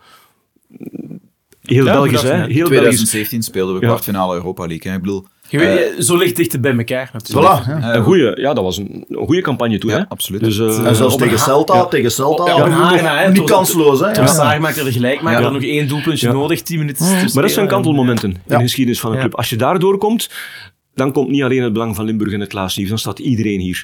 Ja, dan speel En je als je tegen dat- Man United ja. de halve Ja. finale. En dan ga je, als je Champions League speelt, dan had je dan ook de laatste Champions League wedstrijd, de eerste wedstrijd verlies je kansloos van Salzburg, waarbij iedereen al heeft van oei, het gaan hier, we gaan hier een pak slaag krijgen, of KS Henk gaat een pak slaag krijgen. Haal je een goed resultaat tegen Salzburg, dan gaat de, de volgende wedstrijd, dan, dan zit de hele pers hier, ook de Franstaligen komen dan wel eens kijken van wauw. Dus ik denk echt dat je Europees voetbal nodig hebt, net zoals Anderlecht, Club Brugge en Standaard dat in de jaren 70 nodig gaat hebben, om een cliënteel aan zich te binden dat nog altijd gaat kijken. Er gaan nog altijd mensen naar Standaard kijken, ook al is het ja, van in 2010 geleden dat ze nog eens een deftige Europese campagne gemaakt hebben. Dus daar blijf je wel een aantal jaar op teren. En dat, ik denk dat Maar ik, ik, ik wel vind dat echt wel een, een valabel allee, argument. En het strookt ook een beetje met het, met het cynisme bij de supporters. Van, we, we willen dat ook wel, die erkenning. erkenning. En ik had zoiets van, hè, toen we tegen Servet speelden, had ik echt zoiets van, hè, want op dat moment waren we nog in vorm. Hè, we, we hadden RWDM Ja. eh, geklopt en ik had echt Ja. iets van... Als we over, hierover gaan, dan pakken we, pakken we Rangers. Ik zat echt zo met een gevoel van, het kan. En kijk naar Servet Rangers, eh, het is maar heel nipt geworden. En had ik zoiets van, kijk, hadden we dat kunnen manifesteren, dan was het ineens een, een heel ander verhaal en dat het op details aangekomen. Dus dat maakt het mij ook zo... Ja, oh, nu zitten we dan inderdaad met die Conference League nog wat te, te baggeren tegen Demirspor. Zit je ook met het idee van, ja goed, België kijkt hier dan ook niet echt hè, naar op natuurlijk. Hè. Dus het is, je roept er ook een beetje over je af. Het is verschrikkelijke. PR op dat vlak. Ja, ja dat is redelijk slechte PR. Wat dus- ik, wel, wat ik wel vind, als je de, de perceptie in de, in de Vlaamse sportmedia vergelijkt met hoe de internationale sportmedia naar ons kijkt, dat is dag en nacht verschil. Hè? Het is, denk één of twee keer per jaar komt er wel een, een Engelse outlet, is het The Guardian of recent nog Copa 90 af. En die staan allemaal met hun mond open te kijken van naar alle talenten die we hebben voorgebracht. Ja, dat begint uiteraard met Thibaut Courtois en Kevin De Bruyne, maar ze breiden rap uit. Ze komen daarvoor naar Genk en ze hebben echt van, dit is echt ongelooflijk wat jullie doen. Jullie staan tussen naam en alles Ajax en, en eh, eh, Dynamo Zagreb, allemaal van die opleidingsclubs, wij staan daar gewoon tussen. Terwijl in België veegt men dat onder de mat en heeft men het liever over dat wij nog altijd een VZW zijn en kleinburgerlijk zijn. Wat en, mag jij trouwens, dat is wettelijk, mag dat, hè? Een VZ2 zijn, dat is niet, niks verkeerd. Tuurlijk, dit even, maar eh, tussendoor. dat men zich Ja. focust op zo'n van die onnozeliteiten. Stef Wijnands krapt alleen in zijn pen wanneer er iets slecht te schrijven valt. ja, geeft mij ongelijk. Ehm, die vergelijking, dat contrast vind ik, vind ik altijd heel erg schrijnend. Stef, ik ga u verdedigen, hè? nee, maar... Zijn onze beste luisteraars. Nee, dat, ehm, het, het klopt natuurlijk wel wat je zegt van die buitenlandse clubs, maar je moet er ook die, die resultaten Europees aan koppelen. Want anders gaan op termijn, als er geen nieuwe Thibaut Courtois meer komt, eh, ik hoop dat El Canoes een fantastisch seizoen speelt. Ik, ik, ga dat, ik, hoop, ik ga ervan uit dat hij blijft. En het zou mooi zijn moest hij dat fantastische seizoen ook in Europa kunnen tonen. Ja. Omdat je dan een opvolging hebt en dan komt The Guardian en die andere media die komen dan hier en die zeggen, ah, er is weer al een nieuwe. Want stilaan moet je daar toch ook eens mee komen, maar dat kan je alleen maar als je ook eh, die, die, die resultaten haalt, eh, als je kampioen wordt en als je Europees iets eh, bereikt. Dan, dan komen ze niet één keer om de paar jaar, dan komen ze vaker. Ja, ik denk dat we daar allemaal akkoord mee zijn. Hè. Ik, ik denk, en vooral ook in, in actueel kan je zien, voeg daar gewoon een spits aan toe. Als er nu goed gewerkt was, als die spits hier al drie weken stond, ja, dan waren we al zeker van de poelen. En dan was het van, hoe gaan we Champions League spelen of toch maar Europa League? Terwijl nu, gelijk Laurens zegt, is het krasselen tegen Demirspor om, om Er toch maar... val- het, het lijkt of er geen eer meer te rapen valt. Dus Nu, daardoor... voilà. En Er zitten ook maar 9000 man dat stadion, omdat het, het gaat ook om de eer. Hè. Het gaat om Als de we- eer. Het, het, Als, daarom denk ik wel dat het opnieuw weer een heel belangrijke wedstrijd gaat worden volgende week donderdag. Als we daar kunnen winnen en we kunnen Conference League, gaat voor ons Europese coëfficiënt normaal ook goed zijn. We gaan Die kan je winnen, hè, de Conference ja, League. Ja, Ja, kijk maar naar Feyenoord en... en ja, daar, kunnen we, daar, kunnen we, daar, kunnen we, daar, daar kunnen we zeker ver geraken. Dat, is ook Europees voetbal, wat, punten kunnen sprokkelen die we voor ons clubcoëfficiënt ook nodig hebben om volgende jaren successen eh, te doen. Dus op zich is het- zou die Conference League voor Genk geen ramp zijn. Eh, zeker omdat dit ook het laatste jaar is dat de Conference League eh, de groepsfase met, eh, met vier clubs is. Dus ehm, vanaf volgend jaar staat het nog maar met drie clubs. Dat Ja. zijn twee wedstrijden minder eh, eh, voor kerst. Dus we zouden daar wat punten kunnen sprokkelen, waardoor we de komende jaren ook eh, misschien wat meer reekshoofd kunnen zijn. Dus ik zeg, het is op alle gebieden een heel belangrijke wedstrijd aanstaande donderdag. Klopt. Ja, er is nog, er is nog één vraag natuurlijk, die, die, die ook geregeld eh, voorkomt in het boek. Ehm, welke structuur moet KRC volgens jou hanteren om, om ja, naar de toekomst te aannemen? Is dat dan toch die, die VZW zo lang mogelijk aanhouden of toch richting Sugar Daddy gaan? Ik wil, ik wil jouw ongezouten mening. Eh, ik ben geen econoom en, eh, en geen jurist. En de huidige voorzitter is dat wel en is dus heel goed geplaatst om dat eh, te beoordelen. Maar ik moet toch opletten met sugar daddies. Ik heb eh 30 jaar lang, wij volgden verschillende clubs. Hè. Ik heb 30 jaar lang Lierse gevolgd. Ik heb met Lierse Champions League meegemaakt en ik heb bij Lierse ook Magit Sami zien komen. Magit Sami zeiden we never a dull moment with Sami. Hè. Er is altijd iets aan de hand. Ja, Sami was een heel aimabele man. Die heeft 70 miljoen geïnvesteerd in die club. 70 miljoen. En als je nu naar het Lisp gaat, dan eh, is het dat stadion er nog altijd uit zoals voor de komst van Magit Sami. Dus dat is nog altijd een ruïne. Daar is niks aan veranderd. Dus hij heeft niks bijgebracht aan de legacy van, eh, van de club. Hij heeft voor fantastische verhalen gezorgd. Eh, onvergetelijke. Ik kan, kan een boek schrijven met eh, de verhalen van Magit Sami. Maar heeft de club niks bijgebracht. Je moet voorzichtig zijn met de sugar daddy. Ik vind niks verkeerd met een eh, VZ2. Dat schijnt wettelijk te zijn. Maar het is aan KRC Genk zelf om, om, om te bepalen van of ze daar mee verder doorgaan of niet. Als je het niet doet en je gaat voor een aandelenstructuur, dan komt er een dag dat iemand zegt van oké, ik koop de meerderheid van de aandelen. Ehm, zoals John Textor. En ik zet een man, die Thierry Dailly heeft RWDM op de kaart gezet, heeft het stamnummer van eh, Standaard Wetter gekocht, heeft ze van vierde klasse naar eh, eerste klasse gebracht. Ehm, met het geld op het einde natuurlijk wel van John Textor. En zegt dan tegen Thierry Dailly, bedankt en tot ziens. En misschien verandert hij straks ook nog de kleuren. Het zijn de kleuren van Botafogo, dus misschien waar hij veel spelers wil laten van doorstoten. Dus misschien houdt hij dat wel. Dat is gevaarlijk. Want dan gaan jullie niet meer moeten zeggen, zeg tegen Erik Gerris, Erik, dit bevalt ons toch niet, kunt je daar iets aan doen? Want je komt niet met die man in contact. Het kan Qataris zijn, kunnen misschien eh, Chelsea, vorig jaar, die, terug de ronde, ik heb dat ook gecheckt, bleek niet het geval te zijn dat Chelsea zou het fantastisch vinden om van KRC Genk, zei iemand mij, een, eh, zijn satellietclub te maken. Hier wordt de opleiding gedaan. En we Ja, hebben al een aantal mensen eh, gehaald van... eh, Courtois. Eh, de je kent ze allemaal wel. Hè? De Dus, eh, en dat gaat dan niet door, maar ik kan me voorstellen vanuit het standpunt van Chelsea dat je zegt, daar gaan we voor. Fantastisch. En wie goed genoeg is, halen we. En de rest eh, investeren we wat in. En, ook dezelfde kleuren. De vraag is, kan je daar als KRC Genk supporter in, in meegaan? Zeg je van, dat is een goede toekomst? Wat mij, Ah, wat, mij een ra- rare zaak is, iedereen wil altijd nu concurreren met, met, eh, met de Europese topclubs. En we moeten meedoen. Maar dat is niet zo. Europees, de meeste Belgische clubs liggen er met nieuwjaar uit. Waarom moet je dan mee concurreren? Wat is er verkeerd met een eh, Belgische topclub te zijn die regelmatig kampioen wordt, de beker wint en elk jaar of om de twee jaar Europees speelt? Ehm, met een Belgische structuur. Hetzelfde verhaal naar, naar eh A-agent en, en naar Club Brugge. Is dat, is dat zo'n probleem? Is dat zo'n probleem? Of wil je inderdaad cashen en geld verdienen, dan ben je je eigenheid kwijt en dan blijven alleen de supporters over. En kan je daarmee leven. Het, is een, het is een vraag die niet alleen KSC Henk zich moet stellen, maar die de hele regio zich moet stellen. En wa- wat je ook als supporter, willen jullie, want als, als hier zo'n sugar daddy komt, of jullie worden eigendom van Chelsea, dan komt er wel eens een grote speler van Chelsea naar hier voor een jaar. Maar jullie weten ook dat dat een passant is, die hier alleen komt, een jaar komt voetballen, omdat hij een jaar geblesseerd geweest is. Dat is de vraag van, Nee, willen nee. jullie dat? Wil de club dat? Of zeg je van toch maar liever klein, maar fijn? Ja, dan liever klein, maar allee, het slechtst mogelijk, allee, het beste voorbeeld is daar eh, hoe Antwerp en Man United, hè, dat verbond ergens, ik denk midden jaren, jaren 2000 was dat.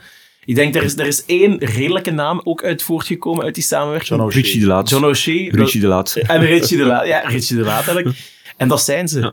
Dus uiteindelijk hebben we ook een, maar dat was op een veel kleinschaliger niveau, zo'n samenwerking gehad met, eh, met Liverpool. Mavinga, ja, de linksbak die, eh, Eén- één die. Carcela tijdens de kampioenenmatch eh, zijn tanden, van zijn tanden beroofd heeft. Maar enfin, hij maakte een, een deugdelijke beurt, maar dat is letterlijk één speler. Maar dat was een heel samenwerkingsverband opgezet eigenlijk om daar één speler van te krijgen. Dus nee, Geert, eh, dan zijn we niet dat idee genegen. Dus, Ik denk, ik, denk, ik denk vooral ook als, als VZW heb je als supporter wel nog steeds de kans om invloed uit te oefenen op het beleid van je club. Want bij de VZW wel zeggen ze altijd, ja, de club is van het volk. Maar hoezeer is de VZW van het volk? Als we eens kijken, en dan heb ik het vooral, ik heb dat pleidooi al eens ergens gegeven, denk ik. Als we kijken naar de algemene vergadering, hè? samenstelling daarvan, er zitten van de negen founding fathers van KRC Genk, zitten er nog één of twee in. Oké, een paar zijn overleden uiteraard, maar twee, één of twee zitten, zitten daar nog in. Uh, voor de rest zijn dat advocaten, Limburgse ondernemers, Industriële. industriële, industriële lokale politici, um, ex-bestuurders, ex-voorzitters, die dat postje krijgen. Anderen moeten dat kopen. Ten eerste is het een lidgeld van, ik denk, 2500, 3000 euro per jaar. En je moet aangebracht worden door twee personen van de, van de AV. Het zijn allemaal rijke witte mannen in pak, één vrouw. Hoe, ja, Bekijk eens naar, bekijk eens naar de samenstelling ik van denk, die ook, groep. ik denk ook dat dat niet het eh initiële probleem is. Ik denk wel, de VZ2 eh, zorgt er wel voor. eh, de club is van niemand, maar de club is niet van iedereen. Ik denk dat dat een heel groot, een heel groot verschil is. Ik denk ook niet dat dat het grote probleem is in Genk. Ik denk het grote probleem is wel wat je zegt van kijk, we komen niet in die, in, in die algemene vergadering als gewone supporter. Wat is dan het alternatief? En dat is iets waar ze eh, in Genk op dit moment eh, het zaadje is geplant en ze zijn daar, eh, ze zijn daar wel degelijk over aan het nadenken, is supportersparticipatie. En, en daar kan je als club wel iets aan gaan doen. Dat kan je zelfs doen, los van welke structuur je als, als, als club hebt.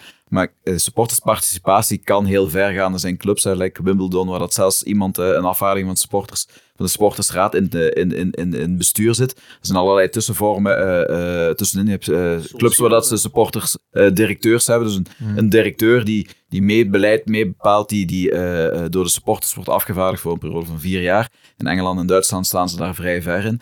Ehm, ik denk dat Genk gewoon heel goed moet nadenken over, over hetgene wat, wat, wat, wat we hier ook zeggen, is van die eigenheid mogen we niet verliezen. Hè? Eh, maar garanties heb je nooit als je verandert van structuur. Want in, in Mechelen was het ook de, de 50 plus 1 voor de, eh, eh, voor de, voor de supporters.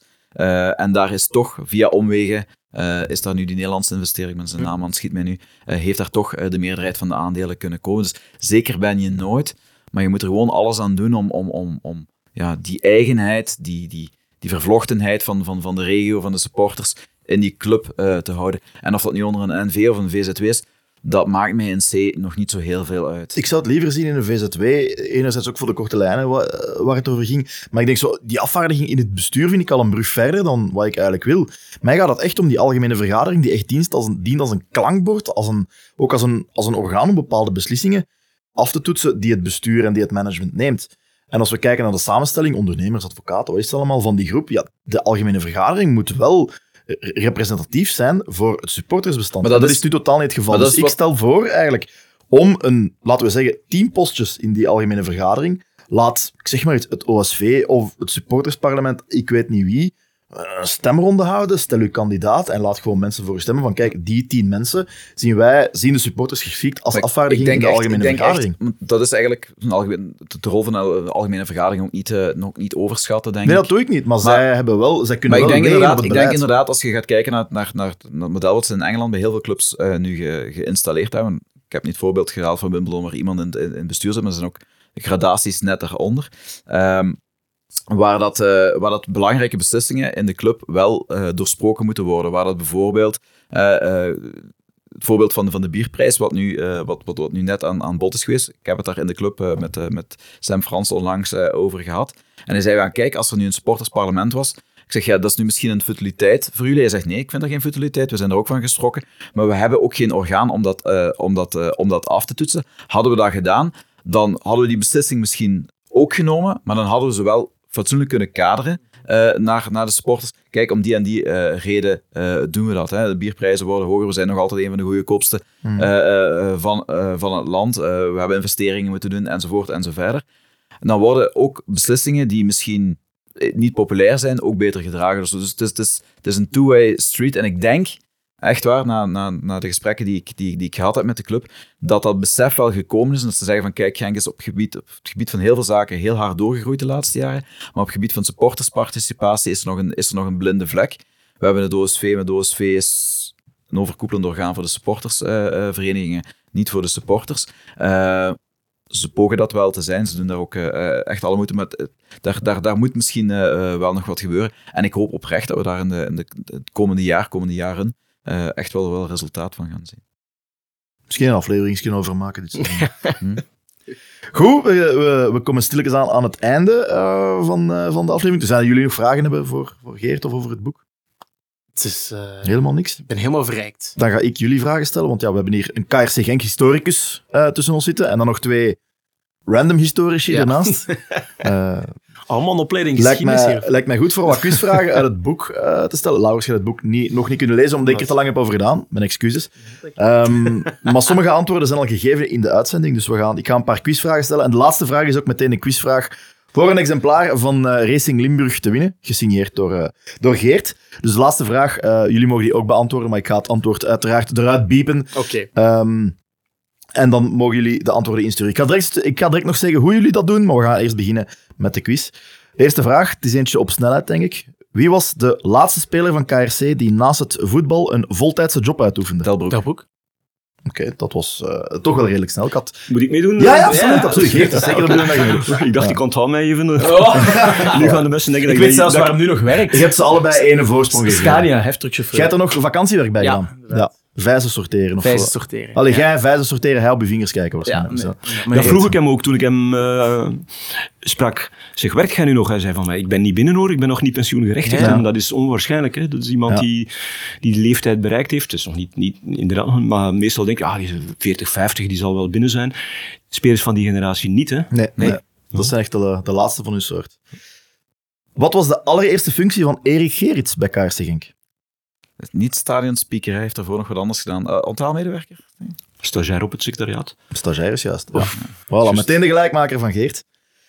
In welke gemeente voerde André Dumont de proefboring uit? As. Hm, dat, is, eh, dat is snel. Je mocht mij ook onderbreken, hè, Geert, toegerust. Eh, Hij is jonger en veel sneller, hè. heel kort, Geert, waarom heten wij niet KRC As?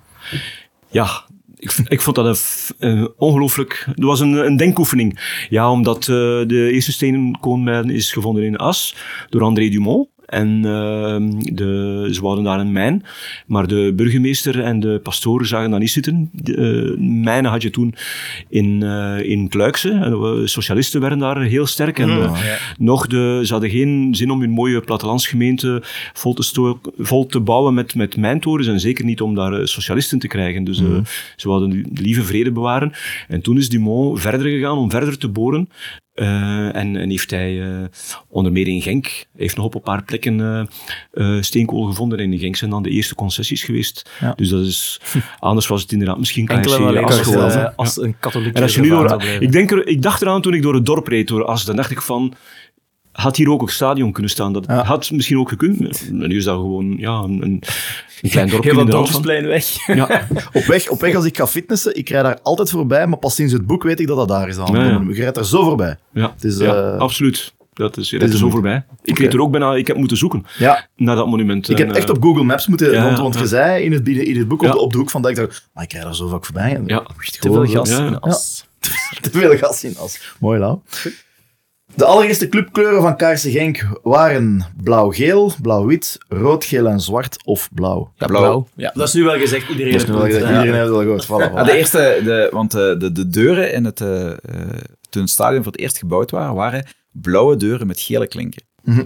Omdat, eh, en toen, nou, de eerste echte kleuren waren dan blauw, blauw-geel, eh, met de geel, Van de geel van de sterren, sterren. Eh, en dan zijn ze naar blauw-wit gegaan, omdat het toch wel te veel op zijn truiden leek. We hebben, we hebben ook nog die eh, glorieuze jaren gehad dat we met die geel-witte, spuuglelijke Kercher eh, Ja. t-shirt speelden. Mm. Ja, dat was voor de sponsor op dat was de Ja, dat was echt wel eh, Ja, dieptepunt. ja. Maar goed, Oké.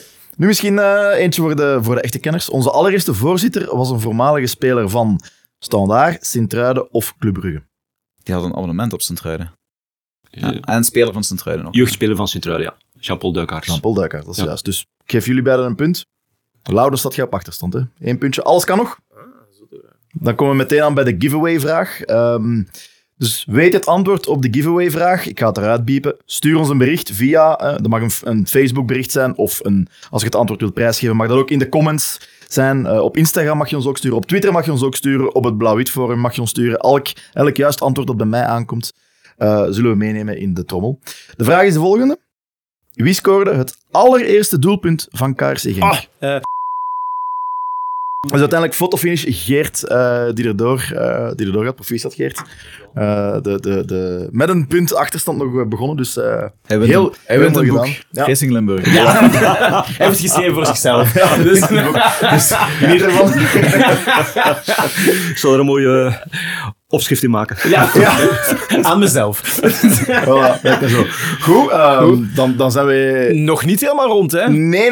Amai, het is echt, als je mijn rubriek begint te pikken, dan uh, je moet dat met, met gevoel en passie brengen. Excuses, maestro. Nee, nee, inderdaad. Ja, Geert, uh, Theo had u voor uh, aanvang van de aflevering natuurlijk nog eventjes gevraagd of, en gepeild naar uh, het nummer dat jij associeert met Racing Genk. Um, ik weet niet of je er al hebt over kunnen nadenken, maar je mag het altijd toelichten waarom het net dat nummer geworden is. In eerste instantie dacht ik van oei, daar komt het nooit uit. Maar een seconde later wist ik het al, want er kan maar één nummer zijn. Dat is Marina van uh, Rocco Granata. Mm. Voilà, ja. mooi. Dat uh, de enige, zoals Armand Schreurs het omschreef, de enige wereldhit die ooit in, uh, in Genk gemaakt is. Ja. En ik ben blij dat het nog altijd uh, bij de rust gespeeld wordt. Hè. Dat is ook een signaal voor mensen overal van oh, het is tijd, dus, om, te het is mij tijd om te gaan. Ik vind dat een, een mooie traditie die nooit mag onderbroken worden. Ik heb Rocco ook geïnterviewd voor het boek. Hij heeft verteld over zijn, uh, zijn, zijn liefde voor Genk. En, en toen was het Waterschijn nog. Is jeugdspeler geweest van, uh, van Waterschei. Uh, Tony Greco, zijn vriend, heeft, die met hem nog gewerkt heeft, want hij werkte ook nog in een garage, heeft nog geholpen om zijn plaatjes te verkopen van Marina. Op het einde van het interview zei ik had nooit in Limburg mogen weggaan. Dat vond ik wel uh, heel erg mooi. Je moet er elke keer aan denken als Marino. Dat is een, het is een ja. prachtig lied. Het is een wereld, echte wereldhit geworden. Ja. Maar het hoort bij Genk. Ja. En ik ben blij dat het nog altijd gespeeld en wordt. Ik vond het gisteren, kippenvel van. Ik, ik, ik, kreeg er op een andere manier kippenvel van. Maar het was echt een, een heel treurige wedstrijd. En ik had dan zo uh, de stream opgezet met Turkse commentaar. En de wedstrijd ging terug beginnen. En er waren nog heel lege tribunes. En het, het, was een wedstrijd om die aan te gluren. En dan zo dat heel melancholisch begin. En dus het, het, heeft zowel een heel positieve bijklank van als het heel goed gaat, maar ook als het negatief gaat, is het echt een uh, heel slecht gaat, is het een smartlap die er gewoon bij hoort. Dus ja. uh, we gaan hem nog eens toevoegen aan uh, de Spotify-lijst Marina voor Geert. Voilà. Ik vind ook heel, wat ik heel mooi vind aan Marina, is dat op de parking ernaast stonden de oude barakken van Oud Texas, ja. waar uh, Rocco Granate met zijn familie is, is, is aangekomen. Die barakken staan er niet meer, maar de geluidsgolven van Marina spoelen nog geregeld over de parking daar. En dat vind ik... Uh, mag nooit verloren gaan. Goed? Goed, bij deze zijn we helemaal rond. Jazeker. Dank u wel, uh, Lau, om er uiteraard bij te zijn. Dank u wel, Wim, om bij te zijn. Geert, dank u wel voor de ververplaatsing van het, uh, het niet-Limburg naar Limburg te maken. Je kende de weg uiteraard al, maar uh, het was zeer fijn om u erbij te hebben. Graag gedaan. Um, als er een tweede, een tweede editie komt, kom dus bij ons langs hè, voor, voor wat eh, weetjes en anekdotes, zullen we zeggen. Daar kom ik zeker, absoluut, beloofd. Super. Vriendelijk bedankt. Ehm, ja, jij ook bedankt eh, om te luisteren. Gerust volg ons op sociale media, moest je dat nog niet doen. Geef ons goede ratings op Spotify en, en Apple Music, of waar je kan luisteren, waar je dat kan. Binnen twee weken zijn we er opnieuw met Yes. eh, ons panel om te praten over. Het is net deadline day geweest dan, dus Hopelijk dan leuke dingen. Hè? hopelijk leuke dingen. Hopelijk zijn we dan alle drie super goed gezind. Ja, inderdaad. En eh, op die manier zetten we een stap richting ideale wereld. Goed. Bedankt voor het luisteren. En tot de volgende Tyrol Talks. Oh no no no no no. Oh no no no no no. Oh no no no.